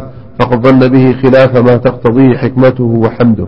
نعم. وخلاف ما هو أهله وما لا يفعله. هؤلاء اللي ينكرون أن لكل عمل سبب ويقولون إن ال- إن الله يدخل الجنة بمجرد المشيئة واللحظة ويدخل النار بدون سبب وبدون عمل. ويدخل ويستوون بح- بحديث هؤلاء في الجنة ولا أبالي وهؤلاء في النار ولا أبالي. نعم. ومن ظن به أنه إذا أغضبه وأسخطه وأوضع في معاصيه ثم اتخذ من دونه أولياء ودعا من دونه ملكا أو بشرا حيا أو ميتا. يرجو بذلك أن ينفعه عند ربه ويخلصه من عذابه. ومن ظن به. ومن ظن به أنه إذا أغضبه وأسخطه وأوضع في معاصيه ثم اتخذ من دونه أولياء ودعا من دونه ملكا أو بشرا حيا أو ميتا يرجو بذلك أن ينفعه عند ربه ويخلصه من عذابه فقد ظن به ظن السوء. نعم هذا المشرك هذا المشرك نعم. قال فأكثر الخلق بل كلهم إلا من شاء الله. يظنون بالله غير الحق وظن السوء. فإن غالب بني آدم يعتقدون أنه. أن يعتقد أنه مبخوس الحق ناقص الحظ وأنه يستحق فوق ما شاء الله وأعطاه. هذا الظن السيء يظن الإنسان بربه في نفسه به يظن منقوص الحظ وأنه منقوص وأنه ما أعطي مال ولا أعطي الوظيفة المناسبة ولا أعطي كذا. فلان أعطي بيت وله أموال وهذا له وظائف وهذا أولاد وأنا منقوص الحظ وش ذنبي أنا. فترى يعترض على الله. يعترض على ربه. والعياذ بالله. هذا الظن السيء. نعم. قال ولسان حاله يقول ظلمني ربي ومنعني ما أستحقه. لا حول. لسان هذا يقول بلسان الحال. بس ما يجب أن يتكلم بلسانه وفي الواقع يقول هذا وبعضهم يتكلم بلسانه وش ذنبي الآن؟ طيب بعض المرضى والعياذ بالله يعترض ولا عنده صبر أنا مش ذنبي الآن. أنا على هالسرير لمدة طويلة. أعوذ بالله نسأل الله العافية. وهذا يقول ذنبي أنا أنا كذا أنا أشتغل وأعمل ولا, ولا حصلت بعد وهكذا. يتكلم بلسان المقال هذا من الاعتراض على الله. فيما يختص به وفيما يفعله بغيره. هذا من الظن السيء؟ نعم. وبعضهم يظن في نفسه ولا يتكلم. وبعضهم يتكلم بلسانه. نعم. ولسان حاله يقول ظلمني ربي ومنعني ما أستحقه. ونفسه تشهد عليه بذلك وهو بلسانه ينكره ولا يتجاسر على التصريح به. لا ولا وهناك من يتجاسر هناك من يتجاسر. يتكلمون سمعناهم سمعهم نعم. نسأل الله العافية. نعم. اي نعم نعم. هذا صريح كثير. نسأل الله العافية. هذا بسببه الجهل وضعف الإيمان وقلة التحمل والصبر وسوء الظن بالله عز وجل. نعم. قال ومن فتش نفسه وتغلغل في معرفة طواياها رأى ذلك فيها كاملا كمون النار في الزناد فأقدح فأقدح اقدح, أقدح النار ويخرج. حركها ويخرج ما فيه فيها. تجد هذا كامل في النفس. تجد كامل مستتر. إذا حركت تحرك. مثل مثل النار. إذا حركتها بالزلال قدح. نعم. قال فاقدح زناد من شئت. ينبئك شراره عما في زناده. ها؟ فاقدح نعم. قال فاقدح زناد من شئت. ينبئك شراره عما في زناده. نعم. ولو فتشت من فتشت لرأيت عنده تعنتا على القدر وملامة له واقتراحا له خلاف ما جرى به. نعم يقترح.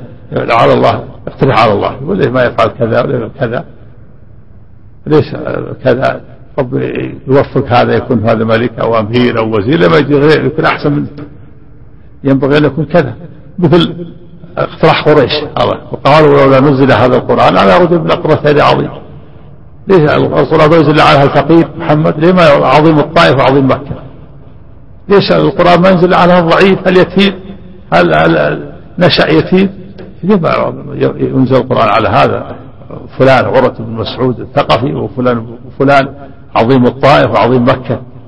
هذا اعترض المشركين وقالوا لولا نزل هذا القرآن على رجل من قرة عظيم رد الله عليه أهم يقسمون رحمة ربك نحن قسمنا بينهم معيشتهم في الحياة الدنيا.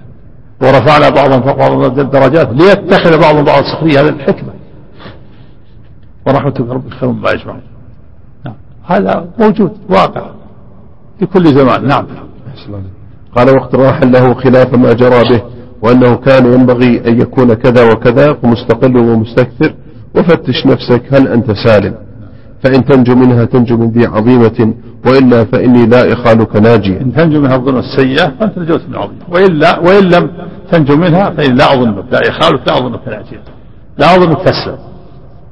فتش فتش نفسك كل واحد يفتش نفسه. من هذه الظنون السيئة. نعم. قال فليعتني اللبيب الناصح لنفسه بهذا الموضع وليتب إلى الله ويستغفره في كل وقت من ظنه بربه ظن السوء.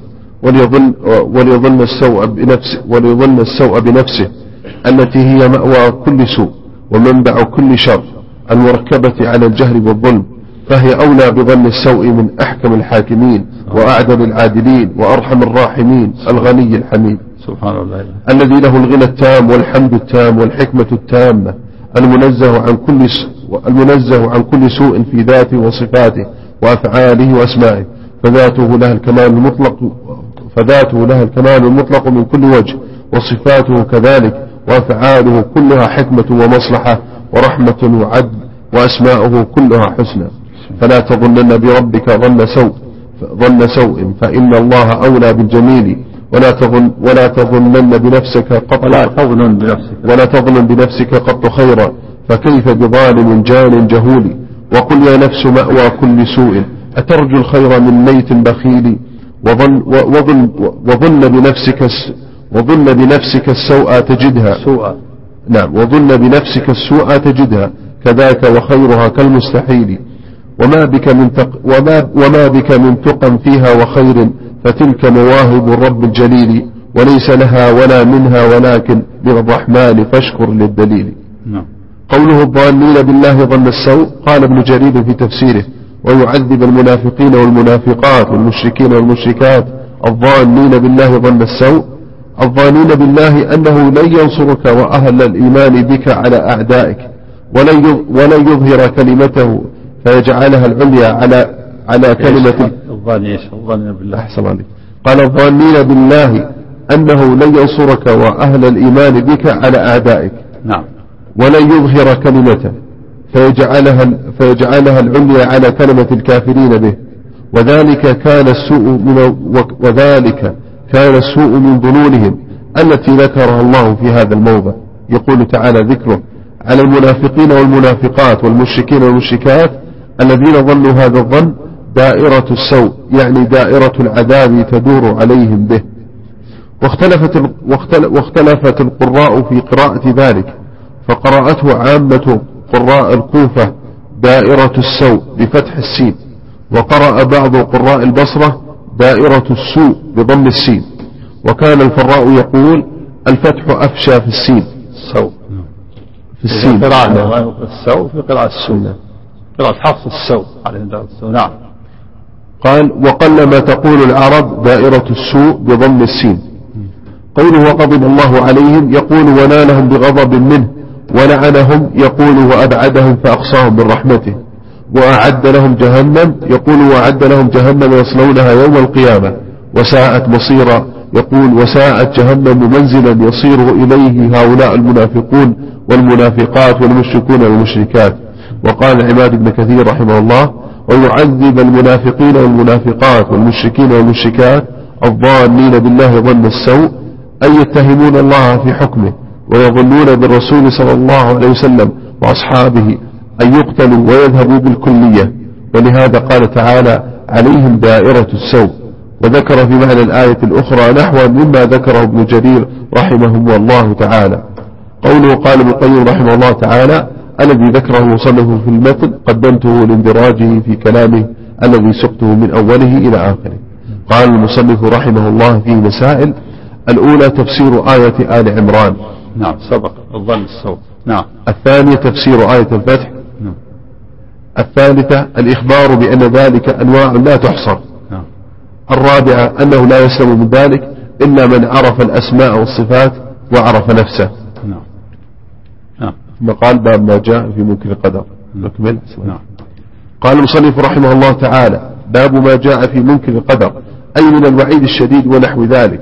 أخرج أبو داود عن عبد العزيز. اليوم تسمحون لبقية نكمل هذا؟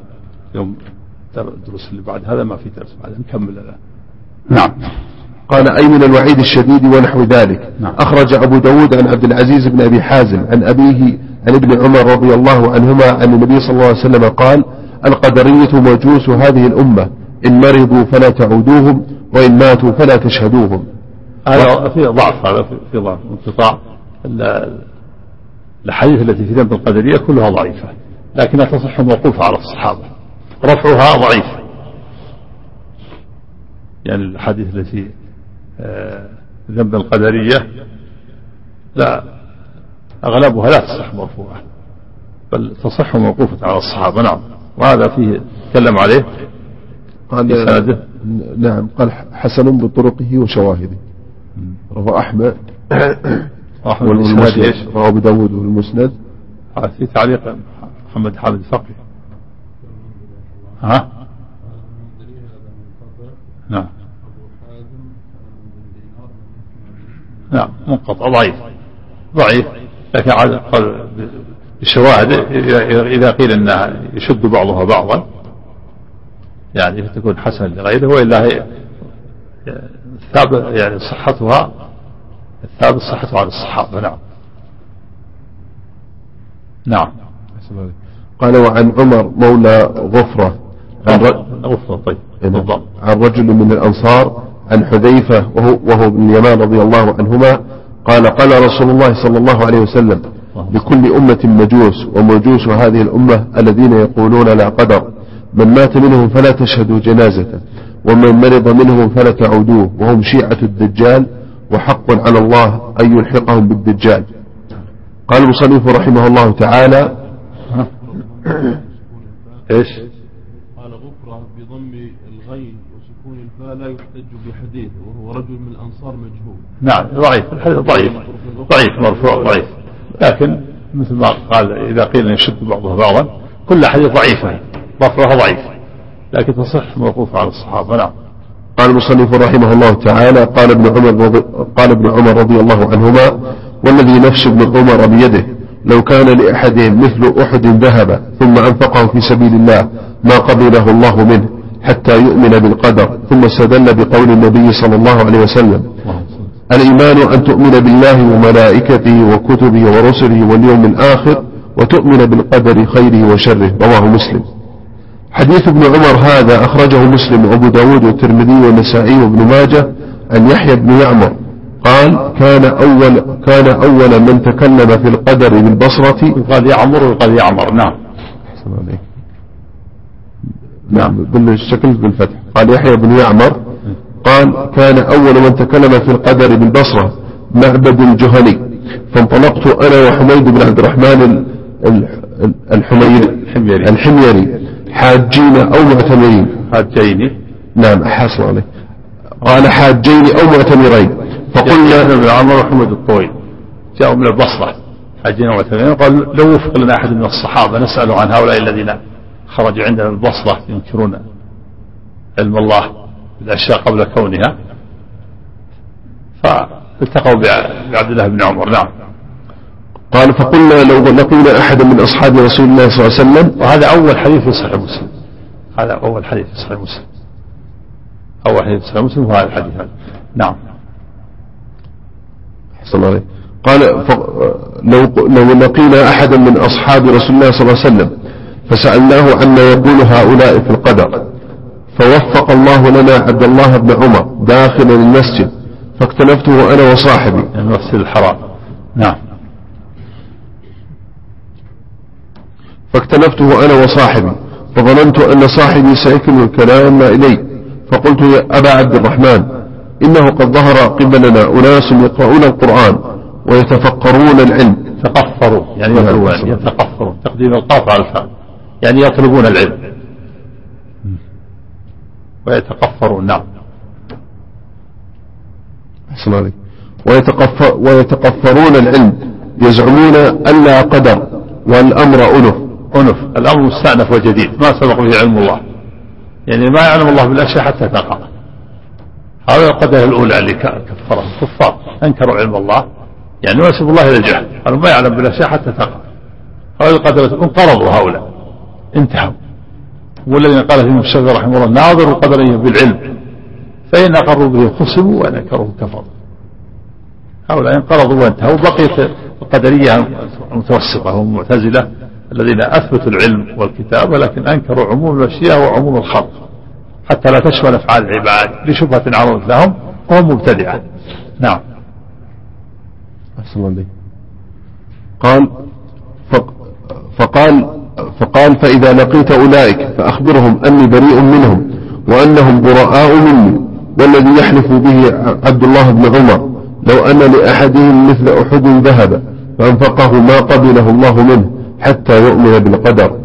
ثم قال حدثني عمر بن الخطاب رضي الله عنه قال بينما نحن عند رسول الله صلى الله عليه وسلم اطلع علينا رجل شديد بياض الثياب شديد سواد الشعر لا يرى عليه أثر السفر ولا يعرفه منا أحد حتى جلس إلى النبي صلى الله عليه وسلم فأسند ركبتيه إلى ركبتيه ووضع كفيه على فخذيه وقال يا محمد أخبرني عن الإسلام. قال رسول الله صلى الله عليه وسلم الإسلام أن تشهد أن لا إله إلا الله وأن محمد رسول الله وتقيم الصلاة وتؤتي الزكاة وتصوم رمضان وتحج البيت إن استطعت إليه سبيلا. قال صدقت. فعجبنا له يسأله ويصدقه قال فأخبرني عن الإيمان. قال أن تؤمن بالله وملائكته وكتبه ورسله واليوم الآخر وتؤمن بالقدر خيره وشره. قال صدقت. قال فأخبرني عن الإحسان. قال أن تعبد الله كأنك تراه. فإن لم تكن تراه فإنه يراك. قال فأخبرني عن الساعة. قال ما المسؤول عنها بأعلم من السائل قال فأخبرني عن أماراتها. قال أن تلد الأمة ربتها وأن ترى الحفاة العراة العالة رعاء الشاء يتطاولون في البنيان. قال فانطلق فلبثت ثلاثة وفي رواية مسلم منية. ثم قال يا عمر أتدري من السائل؟ قلت الله ورسوله أعلم. قال فإنه جبريل أتاكم يعلمكم دينكم. هذا جبريل المشهور الطويل نعم. ففي هذا الحديث أن الإيمان بالقدر من أصول الإيمان الستة المذكورة. نعم وهو الأصل السادس. ومن أنكر أصلا من أصول الإيمان فقد كفر. ولهذا كفره ابن عمر. وفي الحديث أبي بن كعب الآتي أيضا كذلك. النبي صلى الله عليه وسلم حكم بكفرهم. نعم. أحسن عليك قال في في الحديث أن الإيمان بالقدر من أصول الإيمان الستة المذكورة. فمن لم يؤمن بالقدر خيره وشره فقد ترك أصلا من أصول الدين وجحده. فيشبه من قال الله فيهم أفتؤمنون ببعض الكتاب وتكفرون ببعض؟ قال المصنف رحمه الله تعالى وعن عبادة بن الصامت رضي الله عنه أنه قال لابنه يا بني إنك لن تجد طعم الإيمان حتى تعلم أن ما أصابك لم يكن ليخطئك وما أخطأك لم يكن يصيبك. سمعت رسول الله صلى الله عليه وسلم يقول إن أول ما خلق الله القلم فقال له اكتب. فقال ربي وماذا أكتب؟ قال اكتب مقادير كل شيء حتى تقوم الساعة. يا بني سمعت رسول الله صلى الله عليه وسلم يقول من مات على غير هذا فليس مني. وفي رواية لأحمد إن أول ما خلق الله تعالى القلم فقال له اكتب. فجرى في تلك الساعة بما هو كائن إلى يوم القيامة. وفي رواية لابن وهب قال رسول الله صلى الله عليه وسلم فمن لم يؤمن بالقدر خيره وشره أحرقه الله بالنار. قوله عن عبادة رضي الله عنه قد تقدم ذكره في باب فضل التوحيد وحديثه هذا رواه أبو داود ورواه الإمام أحمد بكماله. قال حدثنا الحسن بن سوار حد قال حدثنا ليل قال عن معاوية عن أيوب بن زياد قال حدثني عبادة بن الوليد بن عبادة قال حدثني أبي رضي الله عنه قال دخلت على عبادة وهو مريض أتخايل فيه الموت. فقلت يا أبتاه أوصني واجتهد لي. فقال أجلسوني. قال يا بني إنك لن تجد طعم الإيمان ولن تبلغ حقيقة العلم بالله حتى تؤمن بالقدر خيره وشره. قلت يا أبتاه وكيف أعلم ما خير القدر وشره؟ قال تعلم أن ما أخطأك لم يكن يصيبك وما أصابك لم يكن يخطئك. يا بني إني سمعت رسول الله صلى الله عليه وسلم يقول إن أول ما خلق الله القلم فقال له اكتب فجرى في تلك الساعة بما هو كائن إلى يوم القيامة. يا بني إن مت ولست إن مت ولست على ذلك إن مت ولست على ذلك دخلت النار. ورواه الترمذي بسنده المتصل إلى عطاء بن أبي رباح عن الوليد بن عبادة عن أبيه وقال حسن صحيح غريب. وفي هذا الحديث ونحوه بيان شمول علم الله تعالى وإحاطته بما كان وما يكون في الدنيا والآخرة. كما قال تعالى الله الذي خلق سبع سماوات ومن الأرض مثلهن يتنزل الأمر بينهن لتعلموا أن الله على كل شيء قدير وأن الله قد أحاط بكل شيء علما. وقد قال الإمام أحمد رحمه الله تعالى لما سئل عن القدر قال القدر قدرة الرحمن. واستحسن هذا ابن عقيل من أحمد رحمه الله تعالى. والمعنى أنه لا يمتنع عن قدرة الله شيء ونفاة القدر قد جحدوا كمال قدرة الله تعالى فضلوا عن سواء السبيل. والمعنى إيش؟ أحسن عليك. قال والمعنى أنه لا يمتنع عن قدرة الله شيء. نعم. ونفاة القدر قد جحدوا كمال قدرة الله تعالى فضلوا عن سواء السبيل. وقد قال بعض السلف ناظروه بالعلم فإن أقروا به خصموا وإن جحدوه كفروا. يعني القدرية قال قد يقول الشافعي فإن أقروا به خصموا لأنهم إذا أقروا أن الله علم كل شيء إذا هو, هو سبحانه وتعالى يوقع الأشياء على حسب علمه ويخلقها. وإن أنكروا العلم كفروا لأنهم يسأل الله الجهل نعم. نعم. نعم الخلاف. الخلاف. الأولية هذه مقيدة بالكتاب. أول ما خلق قال لا أكتب. وأما العرش فهو سابق له. نعم. قال الشيخ الإسلام رحمه الله تعالى والناس في باب خلق الرب وأمره ولما فعل ذلك على طرفين ووسط فالقدرية من المعتزلة فالقدرية من المعتزلة وغيرهم قصدوا تعظيم الرب تعالى بتنزيهه عما ظنوه قبحا من الأفعال وظلما فأنكروا عموم قدرته ومشيئته ولم يجعلوه خالقا لشيء ولا أنه ما شاء كان وما لم, وما وما لم يشأ لم يكن. بل قالوا يشاء ما لا يكون ويكون ما لا يشاء. نعم. يشاء ما لا يكون. يشاء الله أن العبد يفعل الطاعة ولكن يكون العبد يفعل المعصية. ويكون ما لا يشاء. تكون معصية وقعت من العبد والله ما شاءها. لأن العباد هم اللي يخلقون أفعالهم. هكذا يقولون. نعم. ثم إنه ولهذا ما يقول إن الله على كل شيء قدير بل يقول إنه على ما يشاء قدير. إنه على ما يشاء. قدير أما أفعال العباد فلا يشاءها ولا يقدر عليها. فتجد المعتزلي ما يقول الله على كل شيء كما يقول كما يقول السنة بل يقول وهو إنه على ما يشاء قدير. يخرج أفعال العباد. قصد من ذلك خرج أفعال العباد. فإن الله يشاءها ولا يقدر عليها. نعم. قال ثم إنهم وضعوا لربهم شريعة فيما يجب عليه ويحرم بالقياس على أنفسهم. نعم. وتكلموا في التقدير والتجويز بهذا القياس الفاسد الذي شبهوا فيه الخالق بالمخلوق فضلوا وأضلوا. قال المصنف رحمه الله تعالى وفي المسند والسنن عن ابن الديلمي قال أتيت أبي بن كعب فقلت في نفسي شيء من القدر فحدثني بشيء لعل الله يذهبه من قلبي. فقال رضي الله عنه لو أنفقت مثل أحد مثل أحد ذهب ما قبله الله منك حتى تؤمن بالقدر. وتعلم أن ما أصابك لم يكن ليخطئك وما أخطأك لم يكن ليصيبك ولو مت على غير هذا لكنت من أهل النار. قال فأتيت عبد الله بن مسعود وحذيفة بن اليمان وزيد بن ثابت رضي الله عنهم فكلهم حدثني بمثل ذلك عن النبي صلى الله عليه وسلم. حديث صحيح رواه الحاكم في صحيح.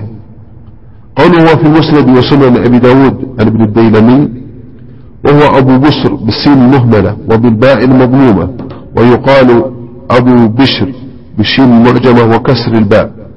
وبعضهم صحح الأول واسمه عبد الله بن فيروز. ولفظ أبي داود قال لو أن الله عذب أهل سمواته وأهل أرضه عذبهم وهو غير ظالم لهم. ولو رحمهم لكانت رحمته خيرا لهم من أعمالهم. ولو أنفقت مثل أحد ذهب ما قبله الله منك حتى تؤمن بالقدر. وتعلم أن ما أصابك لم يكن ليخطئك وما أخطأك لم يكن ليصيبك. ولو مت على غير هذا لكنت من أهل النار. قال فأتيت عبد الله بن مسعود فقال مثل ذلك. قال ثم أتيت حذيفة بن اليمان فقال مثل ذلك. قال ثم أتيت زيد بن ثابت. قال فحدثني عن النبي صلى الله عليه وسلم مثل ذلك وأخرجه ابن ماجه. وكان مرفوع إلى النبي صلى الله عليه وسلم. وفيها النبي صلى الله عليه وسلم حكم على منكر القدر بأنه كافر. قال لو فقت مثل أحد ذهبا ما قبله الله منك حتى تؤمن بالقدر وتعلم أن ما صار كله كله يختلف هذا مرفوع إلى النبي صلى الله عليه وسلم. والذي لا يقبل عمله هو كافر قال الله تعالى وما منعهم تقبل من نفقاتهم إلا أنهم كفروا بالله وبرسوله. ودل على كفر منكر القدر. نعم. والمراد منكر علم الله ومشيئته وهم قدرية الأولى. نعم. وقال العماد بن كثير رحمه الله عن سفيان عن منصور عن ربعي بن خراش عن رجل نعم ربعي بن حراش بالحاء المهملة. بالحاء المهملة. إيه. أحسن عليك. قال عن سفيان عن منصور عن ربعي بن حراش عن رجل عن علي بن أبي طالب قال قال رسول الله صلى الله عليه وسلم لا يؤمن عبد حتى يؤمن بأربع. يشهد أن لا إله إلا الله وأني رسول الله بعثني بالحق ويؤمن بالبعث بعد الموت ويؤمن بالقدر خيره وشره. وكذا رواه الترمذي عن الناظر بن شميل عن شعبة عن منصور به. ورواه من حديث أبي داود الطيالسي عن شعبة عن ربعي عن علي فذكره لكن فيه مبهم عن رجل عن علي نعم. قال وقد ثبت في صحيح مسلم من رواية عبد الله بن وهب وغيره عن أبي هاني الخولاني عن أبي عبد الرحمن الحبلي عن عبد الله بن عمرو رضي الله عنهما قال قال رسول الله صلى الله عليه وسلم إن الله كتب مقادير الخلائق قبل أن يخلق السماوات والأرض بخمسين ألف سنة. زاد بن وهب وكان عرشه على الماء. ورواه الترمذي وقال الإمام مسلم الصحيح قال عبد إلى مسلم. نعم. قال وقد ثبت في صحيح مسلم. نعم. قال ورواه الترمذي وقال حديث حسن غريب. وكل هذه الأحاديث وما في معناها فيها الوعيد الشديد على عدم الإيمان بالقدر. عن عبد الله بن عمرو رضي الله عنهما قال قال رسول الله صلى الله عليه وسلم إن الله كتب مقادير الخلائق قبل أن يخلق السماوات والأرض بخمسين ألف سنة. زاد بن وهب وكان عرشه على الماء.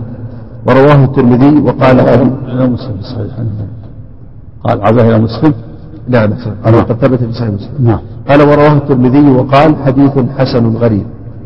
وكل هذه الأحاديث وما في معناها فيها الوعيد الشديد على عدم الإيمان بالقدر وهي الحجة على نفاة القدر من المعتزلة وغيرهم. ومن مذهبهم تخليد أهل المعاصي في النار. نعم. وهذا هؤلاء المتأخرون آه، المعتزلة يحكم عليهم بالبدعة مبتدعة لا يحكم بالكفر. كفر ما يحكم على قضية الأولى اللي أنكروا العلم. نعم. قال ومن مذهبهم تخليد أهل المعاصي في النار وهذا الذي اعتقدوه من أكبر الكبائر وأعظم المعاصي. نعم. وفي الحقيقة إذا اعتبرنا إقامة الحجة عليه بما تواترت به نصوص الكتاب والسنة لإثبات القدر فقد حكموا على أنفسهم بالخلود في النار إن لم يتوبوا. يعني يقول المؤلف أن الحجة قامت عليهم لأن الأدلة متواترة. على هذا إذا قامت عليهم الحجة وأنكر أمر معلوم بالنظر كفروا لكن حتى حتى حتى المعتزلة. المتأخرون يقول الأدلة متواترة. قامت عليهم الحجة وهم يكون حكموا على أنفسهم بالخلود في النار. وفي الحقيقة نعم. قال وفي الحقيقة إذا اعتبرنا إقامة الحجة عليه بما تواترت به نصوص الكتاب والسنة من إثبات القدر فقد حكموا على أنفسهم بالخلود في النار إن لم يتوبوا. نعم. لأنهم يرون أن أن مرتكب كبيرة وخلد في النار. وهم ارتكبوا كبيرة حيث أنهم خالفوا ما دلت عليه النصوص المتواترة من كان القدر فارتكبوا كبيرة فحكموا على أنفسهم بالخلود في النار. هم هم حكموا على أنفسهم.